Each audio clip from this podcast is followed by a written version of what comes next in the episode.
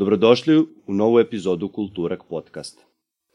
Ono što želim da vam kažem jeste da ako želite da podržite ovaj kanal, možete me zapratiti na mom Patreonu. Tamo će se objavljivati premiorna epiz svaka epizoda uh, svake srede, odnosno šest dana ranije, uh, dok ćemo epizode na YouTube-u emitovati sledećeg utorka u 12 časova. Ono što takođe želim da vas zamolim jeste da me podržite jednokratnim donacijama na Paypalu. I želim da vas zamolim da me zapratite na mom YouTube kanalu i lajkujete. Svaka pomoć bi dobro došla da bi ovaj podcast mogao da opstane ovakav kakav jeste ili da postane još i bolji. Ono što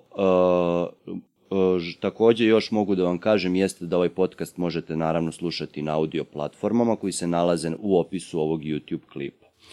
Uh, moji sledeći gosti, odnosno gosti i gošća su bili Nikola Dragašević i Jovana Savić, koji su bili predstavnici uh, teatra Ulica u ovoj novoj epizodi, gde smo razgovarali o teatru, o, njihov, o teatrovom uspehu, odnosno o uspehu teatra Ulica, njihovim daljim ambicijama, njihovim saradnjama, o, njihovim odnosima međuljudskim, kako, s, kako, redit, kako odnosima reditelj glumac, kako odnosima glumac glumac, generalnom pogledu na pozorište i na taj svet. Uh, naravno, ovaj razgovor, kao i svaki put kada se Dragašević i ja nađemo, bude pun koje kakvih lupetanja i koje kakvih gluposti. Jovana je tu s druge strane uh, držala neku ravnotežu sa svojom ozbiljnošću i naravno učešćem u svojoj, u svoj toj našoj zajebanciji sa njenim uh, šarmom. Tako da ono što mogu da vam kažem jeste da je ovo bila za mene jedna jako zabavna epizoda i morate da je pogledate da bi videli uh, koliko smo se mi u stvari zabavljali. Tako da ono što želim da vam kažem jeste da podržite me i uđite u klip i vidite kako je sve to izgledalo. Uživajte.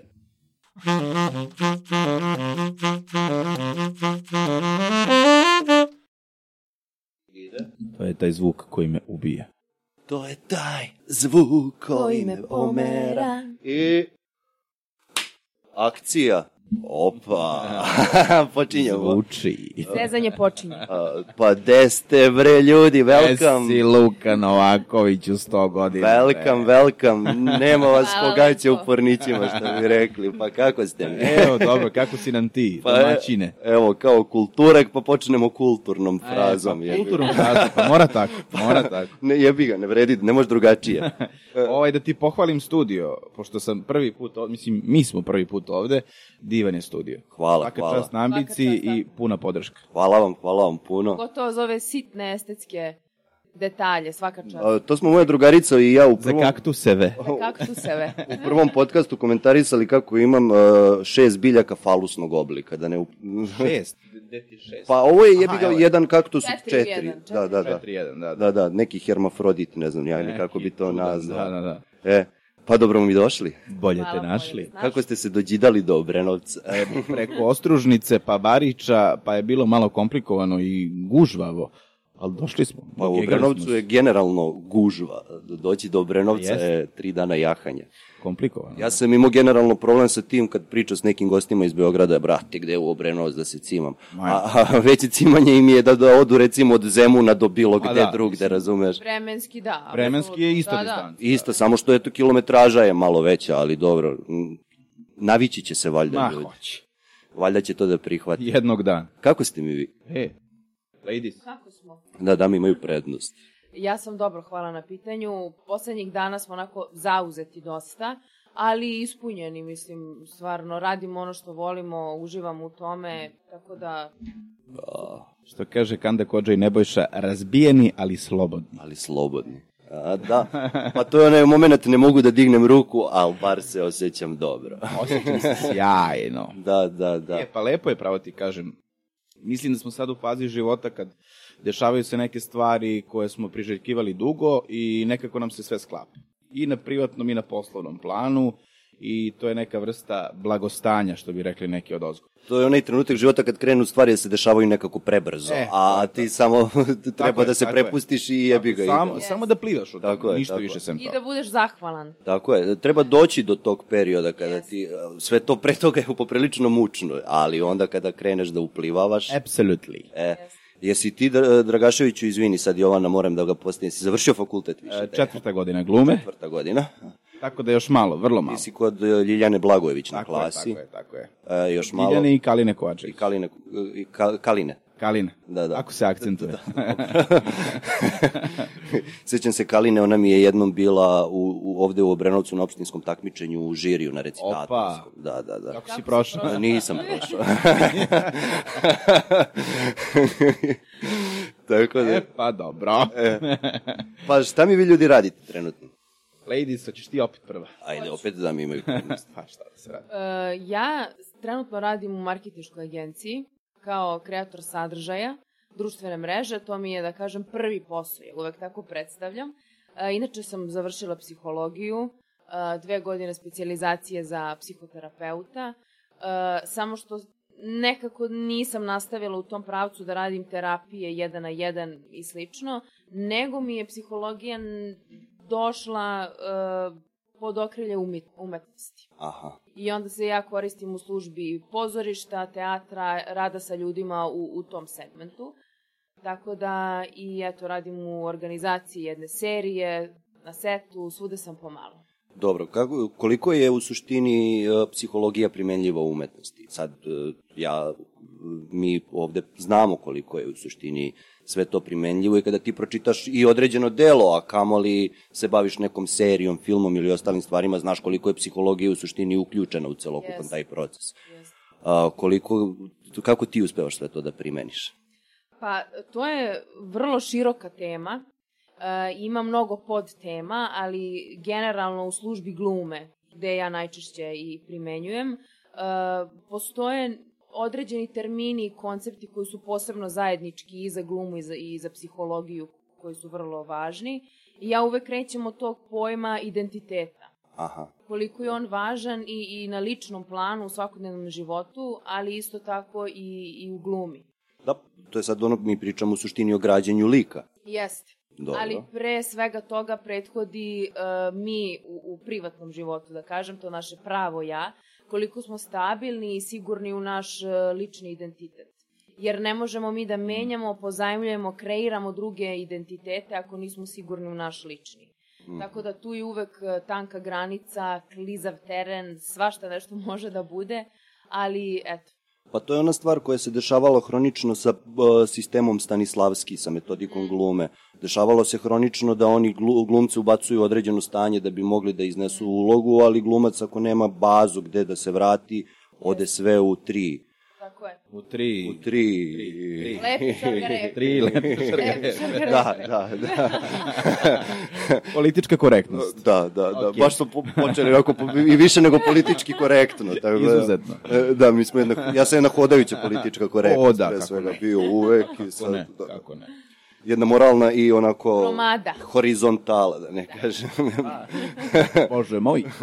Apsolutli. Dragaševiću, Da? šta ima kod tebe? Evo, šta treba?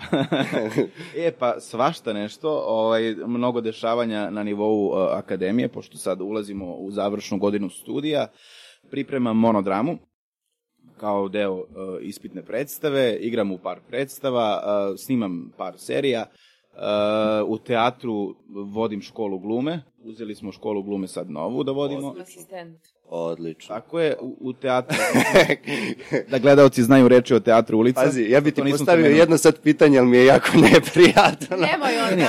Ostaćemo u domenu političke korektnosti, molim te. znači, pošto... da mu isturi smeh. ovaj, šta ste ti kažem? Da, pošto nismo spomenuli reči o teatru ulica, ili smo spomenuli, ovaj, Dobro, bit će u naslovu. Biće u pa- naslovu, da, da. pa on je nek čita ko, ko, ko ga zanima. Ko zna. Tako da, eto, tu i režiram dve predstave u teatru, jednu dečiju i pošto ta prošla klasa koju smo izveli u školi glume, treba da uradimo klasnu predstavu i na tome se radi intenzivno ovih dana. Pored toga snimam album sa bendom, to jest snimili smo album, sad smo u fazi miksa, to jest u postprodukciji, treba da uradimo još jednu ruku miksa, master i da izdajemo i ulazimo u koncertnu i medijsku promociju. O, Ja sam podcast završio upravo sad. ja sam sebi izreklamirao, vi se dalje. A vi se dogovorite. vi, a vi pričajte dalje. Pa dobro, znači, uh, uzbudljiv i zanimljiv život Vrlo, vodite. vrlo. Jako mi je drago kad vidim dvoje mladih ljudi da su krenuli da ispunjavaju svoje ambicije i da rade u suštini na sebi i svom, svojim pozivima. Ovo je opet u domenu političke korektnosti. dobro. Vidi, ja se njoj obraćam sa ladies, zato što ja više ne znam, pošto je sad ovo nešto neko uh, uh, ludilo sa tim obraćanjima, tako da ne znam da da kažem u jednini, u množini. U jednini u ženskom rodu, hvala. Lady. Lady. O, To je druga tema, rodna ravnopravnost, rod, pol, to ćemo To, drugo to su baš neke čudne kategorije. da, ja sam se sad ovde izgubio. Ja, ja, ja apsolutno ne znam kao... On je došao s ciljem da nas zbuni, mi smo njega zbunili. Ja upravo nisam, ja ne znam šta se dešava. Ja, ja, vi ste došli u moj podcast da rešate svoje privatne Bože, probleme. Bože moj, Bože moj. Dobro, vi ste od skoro i počeli da živite zajedno, kako ste Jes, rekli. jesmo, da. Ovaj, ko nije provalio, mi smo zajedno, jel? Do, došli u Obrenovac. Odatle i potiče ono moje pitanje vezano za asistentkinju. Da, bože moj. Ovaj, neću ulaziti dalje. A, jesmo, počeli smo da živimo zajedno. Najzad smo našli stan. Da, to je Ovaj, tek. Kao vi, ste, to- vi, vi biste to i, realni, i ranije realizovali, Ja, ali... ja sam došao, pošto ne volim, ne volim da pričam o idejama, ali moram da spomenem jer je opšta. Ja sam, to jest, dok smo imali celu tu situaciju, došao na ideju da mi napravimo predstavu o traženju stana. Kakve, kakve smo situacije imali? Pa to može, to, to je fenomen. Ja ću da vam glumim Rusa, ako Rusa. E, može Ukrajince. Ukrajinca, može. Politička korektnost. Toliko je bilo bisera, toliko je bilo turbulentnih situacija i, i šarmantnih situacija, ali evo, mislim, posle par meseci to se konačno završilo stvarno. da. Krenuo je jedan novi period za nas, lep period, izazovan, tako da... A, drago mi je što imamo ovako dve relacije Dragaševića koji će paralelno sa mnom da se zajebava i tebe koji ćeš da uozbiljiš ovaj podcast, da... Tako izgleda naš život, razumiješ? Ja se zajebavam, ona spušta loptu. da, da. Ona... Kad smo oboje bili na istoj strani, Pa ode debito- masno u propast. Da. Znači, ovako balans mora da postoji. Da, da, drago mi je, drago mi je što smo ovako krenuli. Dragaš mi je. Dra... Dobro, ajde dalje, ajde dalje. E, pa, e, šta, mi smo ovde u suštini došli da pričamo o teatru ulica. A o svemu smo pričali, A svemu samo smo, ne samo o teatru ulica. dotakli. Da, teatr ulica je, ako mene neko pita, jedan jako zanimljiv, velik e, projekat, u neku ruku poprilično i megalomanski, možemo tako i reći, Da. koji na osnovu svog nekog poslovanja, nazvaćemo to tako, ajde e, da budemo nekako i, drugačije da to formulišem, nekog umetničkog poslovanja, funkcioniše već jedan ozbiljan vremenski period, da kažemo Pola pet decenije. godina, Pet pola decenije, Vidi kako zvuči drugačije. Pola, Pola decenije. decenije. Pet godina. A, A pet pola pola decenije je već ozbiljnija jedna, Tako je, tako. ozbiljna Zvuči jedna ozbiljnije, stvar, da. tako je. Gde smo mi, gde, gde je teatar za tih pet godina izbacio predstava koliko neki, neka pozorišta, ajde da kažemo amaterska, ovo nije amatersko pozorište. Nije, mi izbegavamo taj termin iz razloga što kod nas postoje ljudi sa diplomama, postoje znači, ljudi koji su završili glumu i ne samo glumu, nego produkciju, režiju, dramaturgiju, a postoje ljudi koji nisu završili akademiju, imamo i studente eh, dramskih akademija, tako da mi smo o, nezavisno pozorište. Da, vi ste jedno onako bure puno svega i svačega. Da. Da. E, to si čak i lepo definisao. To može bude kao moto teatra. Novi, e, Bure mi puno svega i tražimo novi slogan, tako da... Bure puno svega i svačega. Razmotrit ćemo. Pa dobro. Šalim se, odbija se. Ne, nisam, dolazi ni, nisam ni mislio da ćete prihvatiti. Rekli smo razmotrit ćemo. da, da. Razmotrili smo, ne, ne, Ne usvaja odbija se. Ne se. E, I sad, e, ja sam kao neko ko je bio jedan određeni vremenski period tu kod vas, bar pola od tih pet godina. Da. Kad si došao beše ti? E, ja sam došao kad se radio Centar Sveta. Sad mi njega intervjuišem. Kad si došao ti? Menjam uloge. Da, da. Nisi se ovome nadao. Hvala Jovana. Dakle, Teatar ulica postoji od 2018. godine. Ti si se preključio A, 2020. 2020. Da, Si nešto pre korone bio tu? Ili posle korone? Mislim da si bio pre. Pre korone, si radio možda je ti onaj naš- 2019, ja sam centar sveta. E, radio. e, a jesi ti radio naš karantinski video? Čekaj bre, ti si u centar sveta bio na premijeri. Jeste, na Znači, premijeri. 2019. 19. Uh, radio sam karantinski video. Jesi, jesi. Jesam, jesam. Ako radio- si bio na premijeri, to je Da, ja sam- 2019. Tako je, ja sam bio u svim onim karantin, karantinskim snimcima koji su se radili. Tako je, tako je, tako, tako jeste. da, To je 2000, da, 19. Da, 19. sam došao uh, i ono, u suštini meni je to pozorište jedno ozbiljno dobro iskustvo. Vidi, sad će četiri godine od premijere Centra sveta. Znači, e, četiri godine si ti, e, pre četiri godine si ti došao Tako u je. teatar, a tad sam ja došao. Tako je. Pa da, ti i ja smo faktički došli u istom Zajedno, trenutku, tako da. je, tako ti si samo bio tu koju probu više u odnosu na mene. Tako je. Jer smo došli da glumimo u istoj predstavi. Tako je. Mislim, ja sam došao sa nekom malo drugačijom idejom u to pozorište, ali je to bilo onako malo poprilično... Kakvom idejom si došao? Sa brzom idejom. Da, ja sam napisao... Brzinom inače- od ideje. Tako je, sa scenarijom kome je radni naslov bio Brzina uh, i baš je bio onako Mislim, uh, taj projekat se nije realizovao na kraju, kako je brzo došao, tako je brzo i Ispario. Uko, Izgleda da je uteko. uteko. Uh, što u suštini da je trebao se realizovan bi bio realizovan, da, se mi ne lažemo. Uh, ali sam tu leteo u, u glumu i u mnogo dobre priče sa Da, da, ljudima, da. tako da... Uh, pozorište, kako je pozorište u suštini počelo? Kako je ono nastalo? A, počelo je tako što su mm, desetak članova sadašnjih, a neki su i bivši, tako da a, počeli su da, to jest pohađali su časove glume u jednoj školi i onda su iz te škole napravili prvu predstavu, to je predstava da ti kažem, i onda su iz te predstave shvativši koliko ih je cela ideja ponela, onda su osnovali teatar, registrovali u APR-u i krenuli da od toga prave ozbiljniju priču. E onda smo se kasnije svi mi ostali priključivali i ovaj, gradili svoje puteve zajedno sa ostalim ljudima. Tako da, a, hoću samo da kažem, da ti ka, hoću samo da ti kažem, da predstava da ti kažem, ima Koliko premijeru... analogija, Si kako video? je ovo Si video? namešteno. A, imaće novu postavku, znači obnovit će se predstava, igraće novi glumci i zvaće se, da ti kažem, nove priče. I premijera je 22. i 20, 23. novembra. Ponekad moram da dođem. Obavezno, zato što je reč o polaznicima škole glume koji su bili kod e, Novaka na klasi i oni ovaj e, izbacuju tu predstavu i imaće dve podele, zato su dva termina premijere. Da, molim te mi reci kako se ta Novakova klasa zvala. E, zvala se vrlo prosto Jagodinka Ajdu. Simonović. Ajduci. Ja, brate, mili. Nepopravljiv čovjek. Ajdučine. Nepopravljiv. Ti kad kažeš ajduci, brate, misliš ono ljudi sa brčinama, bre, ono, odvaljeni od brda, a ovi su fini, Fini. fini. Kako Novaku zapao? Dobra deca, bre. Ozbiljno? Dobra deca. Pa u bok te. Mislim, deca, je- ima i neki stariji, starijih od mene, ali kao, uh, mislim, nas, mi smo isto godište, ti si malo mlađi.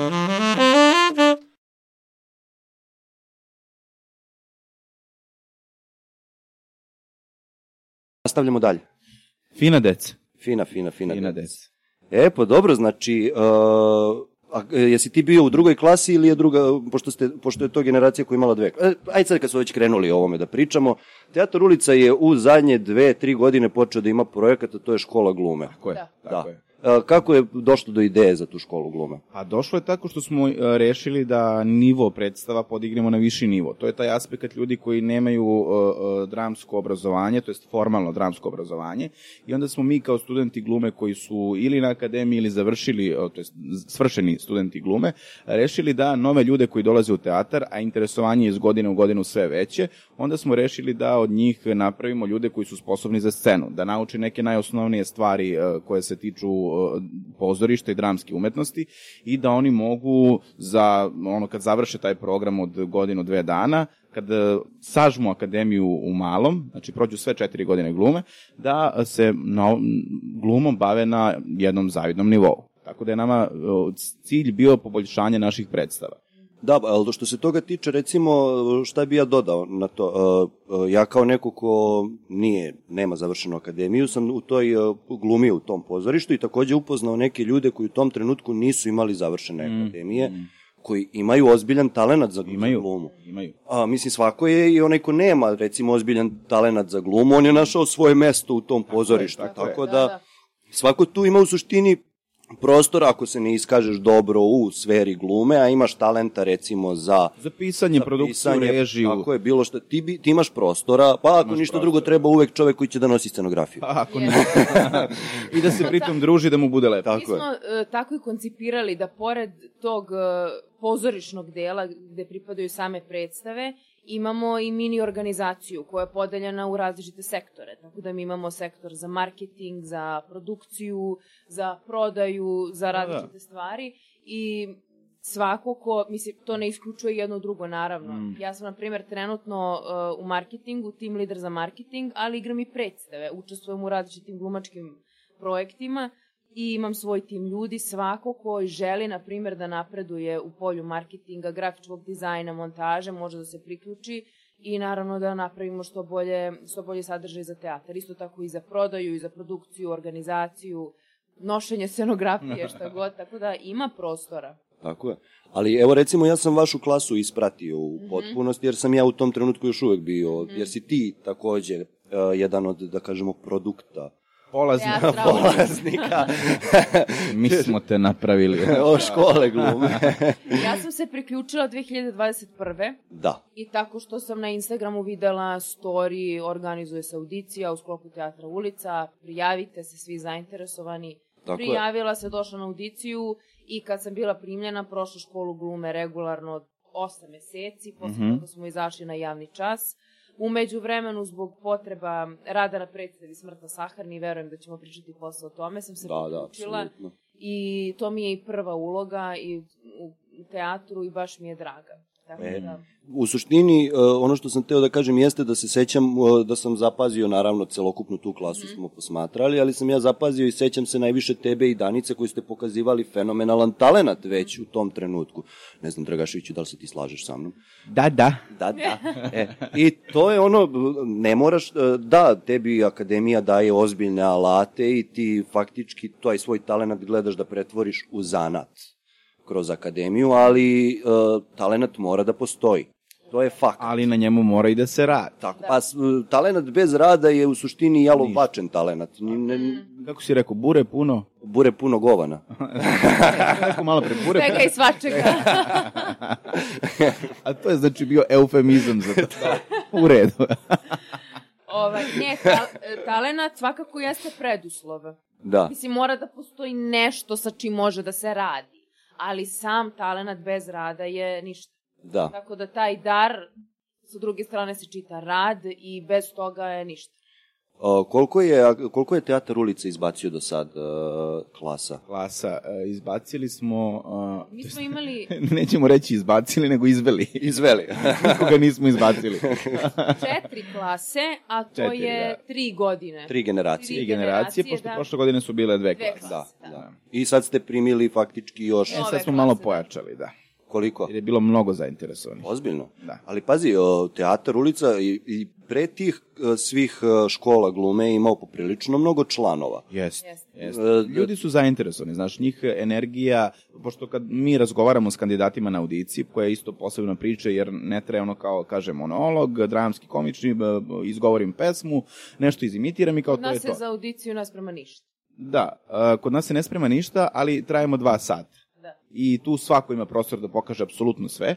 I obično kad e, pitamo ljude kako su čuli za nas, obično je to ili preporuka ili imaju nekoga ko je već kod nas u teatru i većina njih kaže da je glavni razlog dobra energija koja izbija kao iz vaših e, snimaka, predstava, šta god. Mislim, kao e, celog hajpa, što bi rekli ovi omladinci, hajpa, oko naših Hajpa. predstava. Jeste. E, pa dobro da... taj energija- Druženje je druženje ono što ljude privuče k nama. To privlači ljude, da, Da. cela ta energija. To je ono što znam da dosta ljudi koji su došli posle određene predstave na afteru u prostor, Mm. da su bili ono u fazonu, vi, vi, ste ljudi ludi, mi hoćemo da budemo sa vama, bla. Hoćemo I- se družiti. Hoćemo se družimo s vama, nije samo druženje. Tako je, tako samo je. malo mikrofon ako nije, e. Opa, to. Kako zvuči. Ali evo sad ću ti pokažem, ovaj moment je najjači. E sad. Ovo radim već fetišarski, ASMR. razumeš? to se danas zove ASMR. As, ASMR. Ovaj, tako da, eto, znaš, kao sve veće interesovanje, ljude privlači ta energija i meni je, uh, da, ček, opet onaj moment, stani, tišine.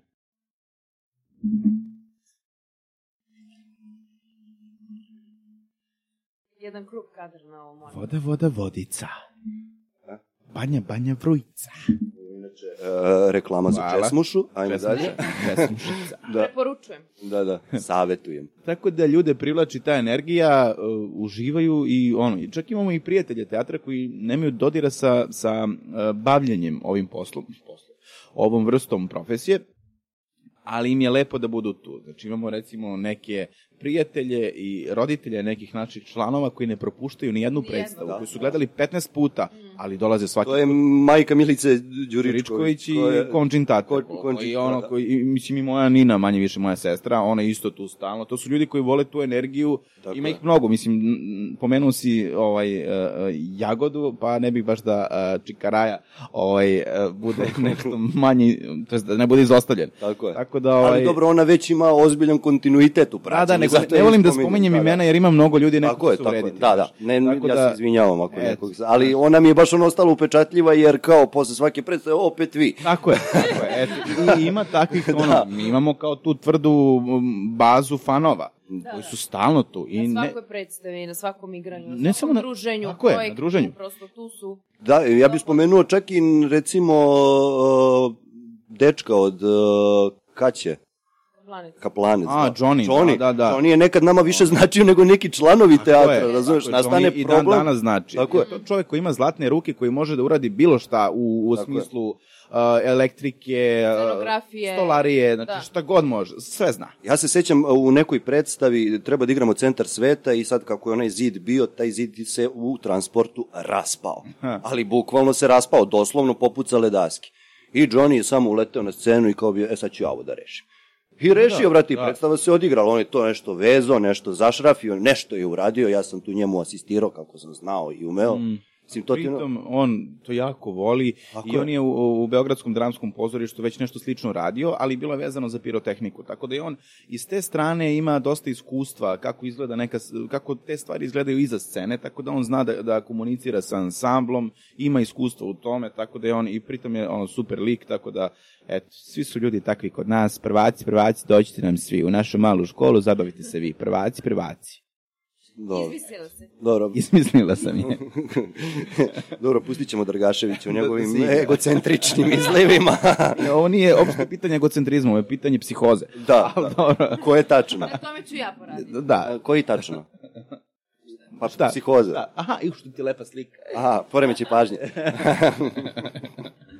e, To ćemo pričati u sledećem. e, da, to sam teo da ti kažem, svakako planiram i taj deo psihološki da obrađujem u jednom trenutku.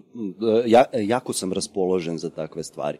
A, ništa, onda dolazi, e, ja se sećam, ja sam, nisam gledao premijeru da ti kažem, ali sam, kad sam ušao već u pozorište, kre- krenuo da intenzivno a, po, gledam predstave teatra, mislim, bile su u tom trenutku dve, Bože moj. Bože moj, ali šta ćeš? Uh, I sećam se uh, predstave Kako ste i predstave da ti kažem. Uh, predstava da ti kažem me je odual. Mm. Od, uh, po mom mišljenju, jedna od najboljih predstava teatra generalno. Uh, odličan tekst, pre svega, pisao Novak Puletić, inače uh, uh, direktor pozorišta. On sebe voli da nazove predsednikom, ali... Znaš šta je tu fora? On je predsednik organizacije, u APR-u se tako zove, i on je iz toga krenuo predsednik. Pa su ljudi kao to dovodili s ne znam kakvim političkim ambicijama, Tako ostalim glupostima. je- Nema veze s tim uopšte. Ajde reći ćemo direktor, da... Da kažemo Ili upravnik. upravnik, upravnik, tako je, ili da. upravnik. Upravnik i predsednik organizacije. U APR-u se pravno vodi kao predsednik organizacije. Tako je. To što je to imalo političku konotaciju, političku zajebanciju, to je sasvim druga tema. To, to je percepcija ljudi. Tako je, tako je. Uh, I drugu predstavu je takođe pisao Novak Puletić. A, kako ste, tako Kako je. ste. I obe je režirala Katarina Jovanović. Tako je. I Jedna o, izrazito talentovana glumica i pre svega talentovana rediteljka. multimedijalna. Da, da, da.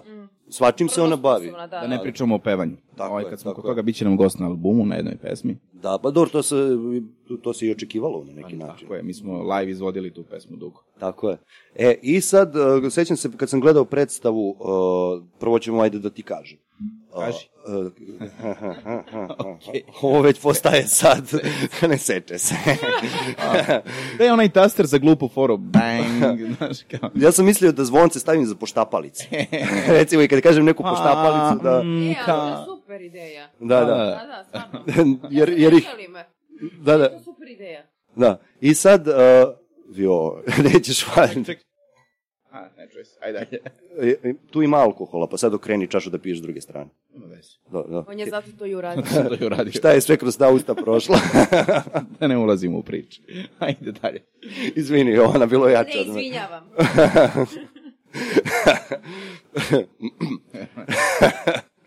E sad, uh, ja se sećam te predstave, da ja posle te predstave kad sam izašao nisam mogao da progovorim jedno 20-25 minuta. Mm.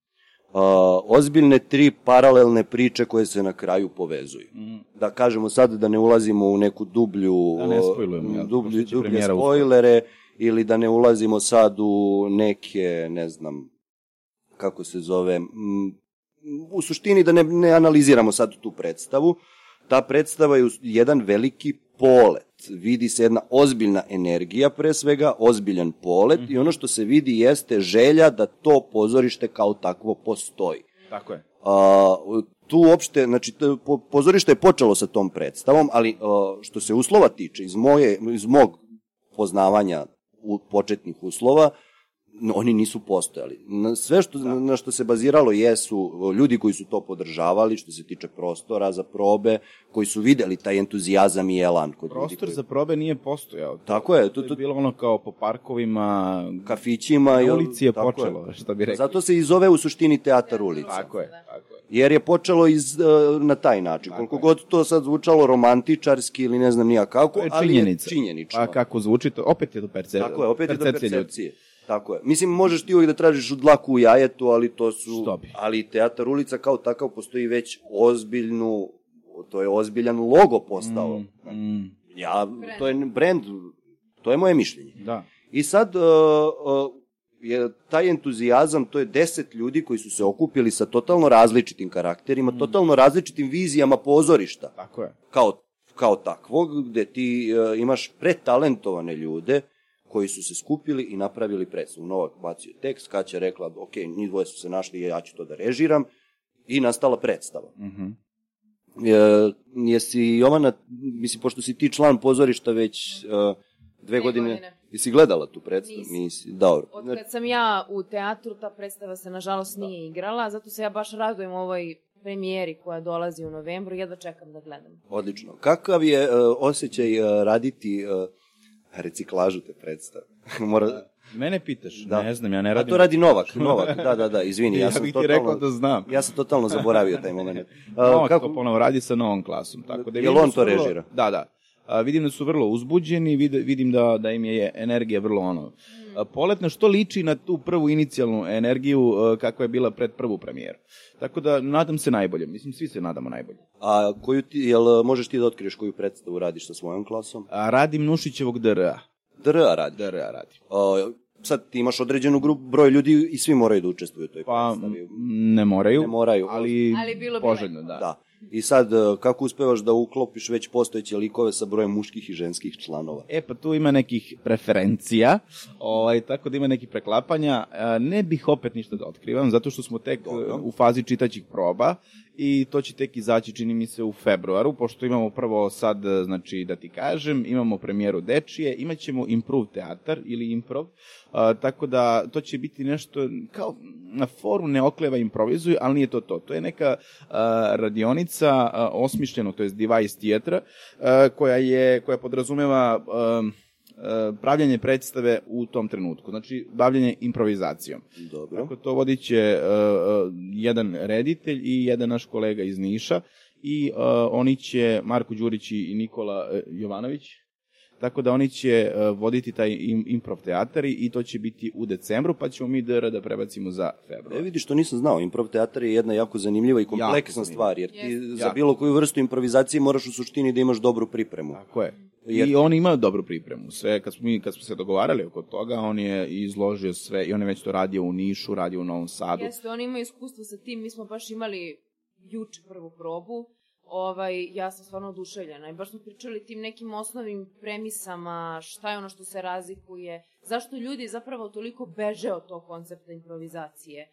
Da li je to, pošto se... Pomera zonu sigurnosti. Tako je, tako je, to je ono što ti praviš iskorak iz zone komfora, nemaš tekst, tačan, nemaš tačan mizansce, mm. nego prosto u datom trenutku koristiš maštu i neki minimalan skup zakonitosti u pozorištu da napraviš nešto što je dobro, akcenat je uglavnom na, na komediji. Da. Da, ali to je, I ne mora da ne mora da bude komedija, ali ono što jeste da ti moraš uh, jako dobro da poz- poznaješ pozorište i glumačke alate da bi ti mogao to da prim- primeniš u deliću sekunde. Tako je. Jer to je ono što je važno kod improvizacije, da se sve dešava brzo, da bude spontano, jer ako dođe do neke greške, ti tu grešku pokrivaš na taj način što se stvari Odmah nadovezuju jedne na drugu. Ali znaš što je fora? Tu, to je uh, posebna vrsta scenskog razmišljanja i scenske logike i ti nakon uh, te vrste, da, da kažem, obuke, uh, u svakoj situaciji možeš da reaguješ. Tako je. Show mora dalje, što bi Tako je. rekao. Pa ti generalno po, Ali uh, kad se desi u predstavi neki problem, neki propust, padne scenografija, pa ajde kao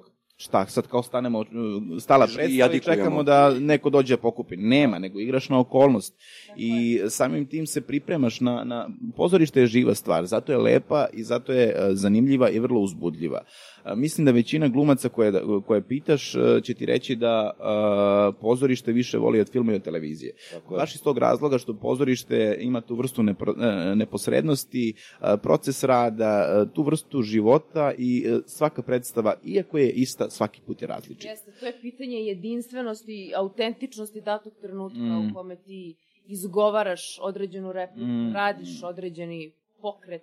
Pa to, to je ono što su svi bardovi pozorišta u suštini pričali da ti pozorištu imaš taj trenutak samo tad i nikad Tako je. više. Tako je, da. To se dešava u tom momentu. Tako je. I e, padne scenografija, pa ajde, snađi se. se. Tako je, pa nije, e, nije pitanje u pozorištu da li će se greška desiti, nego kada će se greška desiti i kako ćeš na nju odreagovati. Mm. Odnosno ti i tvoj partner, jer greška nije samo tvoja stvar. Da. Ako ti pogrešiš, to nije samo tvoja stvar, nego i stvar tvog partnera, Mm. koji mora da te vadi u tom trenutku, ako ti već samog sebe ne možeš da izvadiš. Tako je, tako je. I to, to je ono što je i lepota, ta neizvesnost u tom pozorištu. Tako da improvizacija, ako se osoba koja prođe tu obuku improvizacije, ona je spremna malte ne za svaku situaciju na sceni. Tako je, vrlo je važno razmišljati na taj način, jer e, gluma nije samo, e, ja dođem, izdeklamujem tekst na ovaj način i kao to je gluma. Ne, to mora da bude vrlo životno i mora sva, na svaku okolnost, a često se desi u pozorištu da ima mnogo nepredviđenih okolnosti. Tako je. Ovaj, baš smo juče igrali jednu dečiju predstavu i sad ovaj naš stonac, pošto je on stariji, stariji čika, ovaj, e, pred kraj predstave mi treba da, da ovaj, koleginica ja damo šlagvort i on pusti muziku, idemo koreografiju i kraj predstave. I mi dajemo šlagvort, mi ne čujemo da ovaj, ide muzika. I, ovaj, I sad kao mi tu nešto smišljamo, a baš je lepo kuća, nešto se čupamo kako znamo i umemo, pa vraćamo neke teme. Jedno 15 sekundi ne ide ništa. Ja pogledam kad Tonzu priča na telefonu, ali ovaj čovjek normalan bre.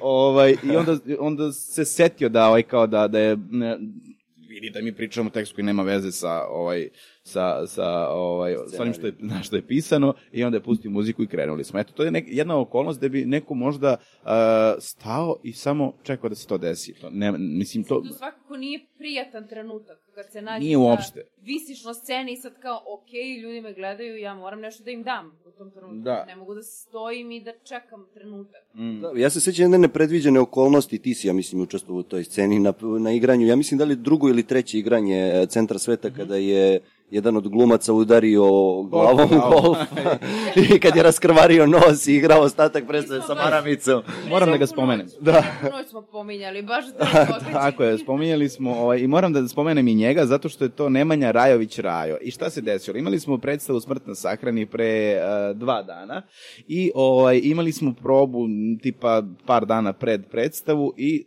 u jednom momentu otvaraju se vrata i ulazi Nemanja Rajović Rajo. Došao je, jebote. Tako svratio je, imao je neku svadbu i svratio je, ja sam ga video posle ono dve godine, čini, možda čak i Možda tri. i više ima. Toliko mi je bilo drago da ga vidim. I onda smo se setili svih, baš kad smo prepričavali, pošto sam ja njoj već spominjao, spominjao neki ljudi iz teatra koji su bili vrlo, ovaj, još uvek su, Autentični. da, još uvek su, nego ona ih nije, Nije upoznala prosto, da. I, ovaj, I između ostalih, i on je jedan od njih, i, ovaj, i to je bilo čarobno kad ja njoj objašnjam, a znaš, da Rajo, to je... Moraš da vidiš. Moraš da Moraš da Moraš da vidiš. vidiš. I sad ona, i ona to vidi. I ona to vidi i, o, i evo, da se vratimo na predstavu, znači on je uh, istrčao i trebalo je nešto kao valjda da poljubi golfa, uh, koji je komad scenografije, i on je uh, u zanosu, pošto je to njemu valjda bila prva predstava u životu. Da. O, i ča, dobro, znači premijera, prva repriza u životu. Tako je. I, ovaj, I on je iz sve snage nešto kao krenuo da, po, krenuo da poljubi golfa i udario je čelom u golfa i, i nekako se rasekao. I njemu krv curi ovako i on nastavlja da priča tekst. Znači, ništa se ne dešava. Ljudi su u fazonu, u, šta, šta, u, šta? Da. Ovaj, a Je li ovo on... izrežirano? Da, da.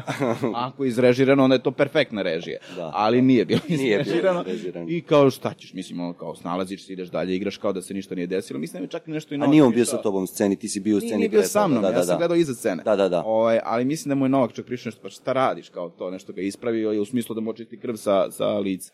Tako da, ovaj, Takve stvari se dešavaju redovno, tako da... Ma, milion Mislim, ja se sećam kad smo išli sa jednom pr- predstavom, uh, tamo ovaj, noćni prevoz iz stanica u Zvornik na gostovanje. mali zvor. Mali Zvornik na gostovanje. Velika razlika. Velika razlika. A mali a mali Zvornik. Zvornik. I sad mi dolazimo očekujući, ne znamo gde idemo, idemo da igramo predstavu i sad ulazimo u pozorišnu salu gde ti shvataš da je tu u suštini biblioteka. Da, da, da. A mi igramo predstavu sa 20 glumaca, velikom scenografijom koja je napravljena za veliku scenu.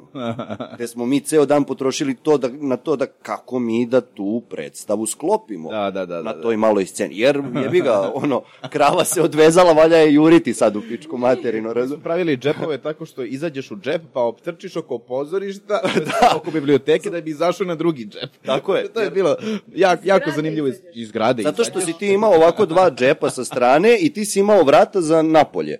E sad, taj džep ti se vidiš, mi smo faktički napolju sedeli i čekali. Sad ti ako odigraš tu scenu, ti onda ulaziš na vrata glavna, pa smo totalno srušili treći zid, da ne pos, četvrti zid da ne postoji, pa onda ulazimo odavde, gde ti faktički optrčiš ceo krug oko zgrade da bi ušao na ta vrata, da bi ušao na scenu. I posle kao lako biti glumac. Ma, de lako, mator. Pa smo onda, ali to je bilo jedan, jedno, jedno fenomenalno. Da, da, bilo je jako, jako čarobno. Pogotovo posle. Da, da, posle, dobro. To sad, su ti afteri. To su zakulisne radnje koje se ne spomenju u podcastima, intervjuima i medijskim Pa- ovaj, pričama. Kad smo već kod toga, kad ste gostovali kod Žike Šarenice, pa kad su jednog od naših, Ja. naših uh, članova tadašnjih pozorišta i sadašnjeg pitali, pa kao, kakvi su vaši planovi posle predstave, misleći na ideje, na... On je rekao, pa ništa, idemo na after. da, to, totalno, totalno jedna... On voli kratkoročne ciljeve, zato to odgovara. Pa pazi, na kratkoročno se dođe do dugoročnog, ne možeš sad ti To odjednom, je bilo ovako, pa ništa, brate, idemo na after. u sred emisije.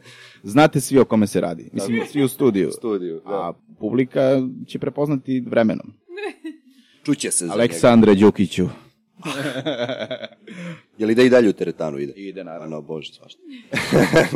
e, I sad, uh, da se vratimo naravno na kako ste, Mhm. uh, Dobro smo, kako vi? odnosno na da ti kažem i kako ste, i posle toga dolazimo i gledamo, gledam predstavu kako ste. Odnosno, mislim da je to čak i prva predstava koju sam pogledao, pa sam tek E, onda i gledao da ti prvo, kažem. Da, ja sam prvo gledao tu predstavu, pa Da. sam kasnije ušao u teatr. E, a, kako ste, a, je jedna predstava koja liči na školsku komediju, koja ima dosta gegova, Teenage dosta komedija, da. punchline- pa- punchline-ova i onako bazira se na međuljudskim odnosima u, u U okviru jedne u okviru jedne učionice da. odeljenja i u okviru profesorsko... Grupa maturanata. Tako je, profesorsko uh, učenički odnos kao Mhm. i među učenički odnosi. Međutim, Međutim, uh, u suštini kraj, dolazi kraj i, ja, i meni prestaje da bude... čak nećemo da pričamo šta je na kraju. Tako je, tako je. Ne, Neću ni govoriti moment koji se prožima kroz celu predstavu. E, ja bih voleo da kažemo, zato što se predstava bavi mentalnim zdravljem kod mladih, bavi se, uh, pa da kažem, sprečavanjem uh, depresije, anksioznosti kod mladih ljudi, koje često rezultiraju suicidom. Tako da je, i, uh, iako je predstava sva vrcava i komična, to je neka nota kojom se, koja, koja stoji u pozadini i koja je zapravo tema cele predstave. Tako da, uh, mislim da je vrlo korisna predstava. Mnogo puta se dešavalo da da nam se jave neki klinci koji dođu na predstavu i kao, e, znaš, kao ja sam posle vaše predstave e, svojoj mami ili svom tati napisao poruku kako si mama ili kako si tata. Tako da, e, Fenomenalno. Jedan- nekle jeste bila suština. Meni je lično ta predstava vrlo draga i meni prva koju sam gledala u teatru, baš zato što se bavi tematikom mentalnog zdravlja, to je ono my cup of tea, što bi se rekla. Uh, cela predstava se ne bavi suštinom tih problema i načinom rešavanja, već više, Samo zvuk na telefonu. već više uh, podizanjem svesti. nije moj. Moje, verovatno. Dobro. već više podizanjem svesti o temama depresije, anksioznosti, konkretno u tom nekom adolescentskom periodu života. I šta je ono što sve može da utiče na, ne znam, pokušaj suicida, suicid, e, nastanak depresije, anksioznosti. Prosto, uh, ja u, u tom nekom školskom settingu osvešćujem koliko doprinosim, gde sam ja, koje je moje mesto Mm. i šta mogu da uradim da, da preveniram te stvari. Pa to je ono što ta škola, uh, uz- odnosno ta predstava uh, predstavlja generalno prirodne međuljudske odnose u jednom odeljenju, Da, da. Koji su poprilično surovi kada se pogleda iz... Ali i realno. ali i realni, Realni, ali vrlo ali i surovi, vrlo da. surovi. Da. I sad to je ono što to pokazuje. Neko će odreagovati na ovaj način jer je uh, te rezilijentnosti ili je tog mentalnog sklopa, drugi će odreagovati na drugačiji način na tu okolnost, gde dolaziš onda u situaciju kako će reagovati neko ko nema uh, određene barijere da to podnese, određene filtere da to da, da na to odreaguje na pravi način ili nije dovoljno rezilijentan da to Podnese. ne, da to Da. podnese i da to ne utiče na njega. Zato je i to pitanje kako ste, e, zapravo nas nagoni da nekako pokušamo da zauzmemo e, mesto drugih ljudi. Da se zaista zainteresujemo za njih, kao da to ne bude kako si u prolazu, nego Tako čekaj, stvarno me interesuje da čujem kako si ti. Šta Tako je. prolaziš, sa čime se boriš, šta te čini srećnim, šta te čini tužnim i ostale teme. Pogotovo sad u vremenu uh, velike površnosti. uh, Tako je. U vremenu kad ljudi nemaju prosto ni volje ni želje da sednu da razgovaraju. Da je to je. sve na nivou neke spoljašnjosti koja mora da bude zadovoljena iz ko zna kakvih Ne. poriva. Formi, koncepta koji se Da. usput izgovaraju. Tako da mislim da je ovo jedna pre svega ljudska predstava, a iako zvuči možda patetično, ali kažem ljudska jer se stvarno bavi mladim čovekom i usmerena je ka, ka opet ne mogu da kažem ni osvešćivanju, ali i osvešćivanju. Između ostalo. Da, a, osvešćivanju e, i građenju svesti kod mladih ljudi, da je vrlo bitno da mi a, znamo s kim idemo u, u razred, e, ko su ljudi oko nas. Ne možemo mi nekoga ni podaštavati zbog njegovog materijalnog, socijalnog statusa. Prosto to su stvari e, koje su u ovo materijalno vreme postale vrlo izražene.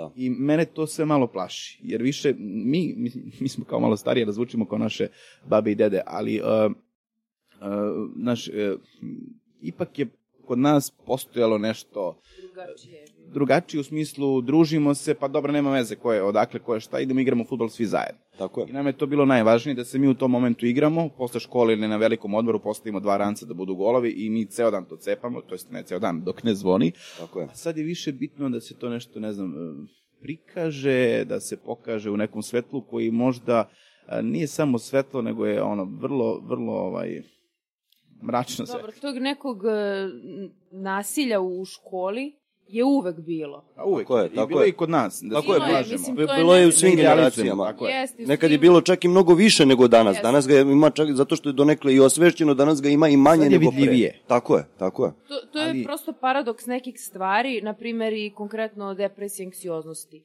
Nikad ranije se više nije pričalo o tome, a nekako nikad više anksioznih i depresivnih ljudi nije, Nije bilo, da. I onda se postavlja pitanje, čekaj, da li je to možda neki ono kontraefekat koji je nastao ili prosto su se ljudi odvažili više da pričaju, sad je to prepoznatljivije i onda prepoznajemo koliko je to zapravo bio veliki problem kroz istoriju, samo što nije prepoznat. Tako nego je.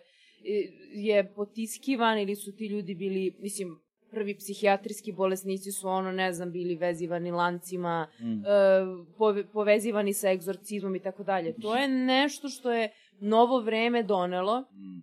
ali u svakom slučaju ista stvar je i kod e, nasilja u školama. Dobro je što postoje različiti programi, što se ljudi bore protiv toga što osvešćeno, ali to je nešto što e, sad ide ona čuvena rečenica, sve dolazi iz kuće, ali Mm. stvarno jeste tako. To je donekle i odlika našeg društva. Tako je. Em, ta agresija koja se servira na različitim platformama, programima, u, u stvarnom životu, to je u nekim situacijama prvi odgovor na sve. Tako je. Ono instinktivno, Tako borba je. za preživljavanje. Kao što si rekla, dolazi sve iz kuće, što je vrlo važno za predstavu o kojoj pričamo, kako ste. A, i ono što sam naveo par primjera da su deca pitala svoje roditelje kako su. To je taj moment kad pozorište može da utiče na pojedinca, pogotovo na mladog pojedinca. Tako je. Čija svest još uvijek nije toliko isprljana i nije toliko ono kao po znacima navoda odrasla i, i sazrela. Ali ovaj e, znači to kad se uspostavi taj kontakt sa mladima i kad oni to prenesu i na svoje porodice i na svoje prijatelje, e, to je taj moment kad ja e, lično verujem da pozorište menja svet iako je to malo postalo floskula, da li pozoriš, da li umetnost menja svet, to je pitanje i to je sve relativno. Ali ja smatram i bavim se pozorištem i verujem u pozorište baš iz tog razloga što smatram da uh, ljudi sa kojima sam na sceni mogu da kažu neku važnu poruku. Ili ne samo ljudi s kojima sam na sceni, nego i kao publika kad primam informaciju uh, od strane ljudi koji prave pozorišnu predstavu u tom momentu, koji je igraju, koji izvode, uh, isto smatram da oni mene mogu da promene u nekom smislu. Tako je. Mm. Ali to je ono, ja sam imao posle te predstave kako ste stvarno potrebu da nekoga zaista pitam kako si. Mm -hmm. Bez ono usputnog, uh, usput, da ne bude više usputna rečenica koju svi ponavljamo. E, čao, nedobre... čao, kako si, dobro ti da. je, čao, e, čao, čao, vidimo čao. se. Da sam ja imao situacije kada, ne, kada s nekim boravim određeni duži period i kada nekoga svaki dan uzmem i pitam kako si, gde ljudi ne znaju više ni kako da odreaguju na to pitanje, gde po defaultu ide odbrana od toga, pa šta me pitaš svaki dan kako sam, uh, kad me ti to pitaš onako radi reda. Mm. I sad ja neko moram da objašnjavam, ne, ne pitam te radi reda, nego mene stvarno zanima kako si u tom trenutku. Ja rekao, je, jebote, moguće smo mi kao društvo došli u tu situaciju da mi moramo da se pravdamo kad nekoga pitamo istinski kako si, da li je to istinski, da li mene stvarno zaista zanima kako si ti, bez obzira što smo mi u određenoj vrsti odnosa u tom trenutku, kao, kakva si ti imao onda iskustva ako ja tebe pitam istinski kako si, a ti misliš da je nešto sasvim suprotno. Mm, mm. Ja sam čak napravila mini eksperiment uh, kad me ljudi pitaju kako si, nisam odgovarala po defaultu, evo dobro ti, nego pa nisam baš dobro danas. I onda se ljudi zbune. Tako je. Oni stanu i ne znaju šta će sa tim. On bi otišao dalje, ali jebi ga sad da, morate sasluša. Da, bukvalno to, bukvalno to. da, da. Sad bi on, aha, pa dobro, znaš. I onda ljudi prosto nisu navikli na tu dubinu uh, konverzacije u da. tim situacijama, nego to je više ono postalo ustupno. Ne, e, ja posle te predstave i sad prosto kad uđeš u tu predstavu nemoguće da se ne zaraziš tom idejom da kao širiš zaista e, potrebu da komuniciraš sa ljudima i stalno pitam ljude kako su i, ovaj, i desilo mi se s jednim starim kolegom kog neću imenovati ovaj, rekao dobar dan, kako ste, neću da ti kažem. Ja, dobro, hvala. Ja drugi dan, dobar dan, kako ste? Neću da ti kažem. Ovaj, ali to ide iz fore, naravno. Ovaj, I sad sledeći, sledeći put dolazim treći dan na probu, rekao, dobar dan, a, znam. Kaže, pa kad znaš što me pitaš. Što me pitaš ne, ali ako mislimo na isto kolegu, to ima i nastavak. Neću da ti kažem. Ja sam ga isto pitala, kaže, zašto? Pa posle da svima pričaš kako sam odlično. A... Nije to isti kolega. Onda je početak odgovora bio isti. da. Dobro, dobro, zanimljivo. Sad, uh, ono što se posle toga desilo jeste ta predstava u kojoj posle toga Centar sveta u kojoj smo ti i ja mm. ušli. Mm. Znači, to je naša prva predstava u okviru tog pozorišta. Obojica smo imali neko glumačko iskustvo da. pre toga. Mm. Ja u teatru 5, ti si imao i jedan svoj teatar pre tako toga. Je, tako je. Kako si to mučno rekao? Zato što tako je, tako je. nadilazi mi vazduh. da, znači vidi se da je to bilo jedno pre svega lepo iskustvo. Jeste, pa bilo je divno. Znam, zajebavam se. iskustvo. O, ovaj, ja se ne zajebavam.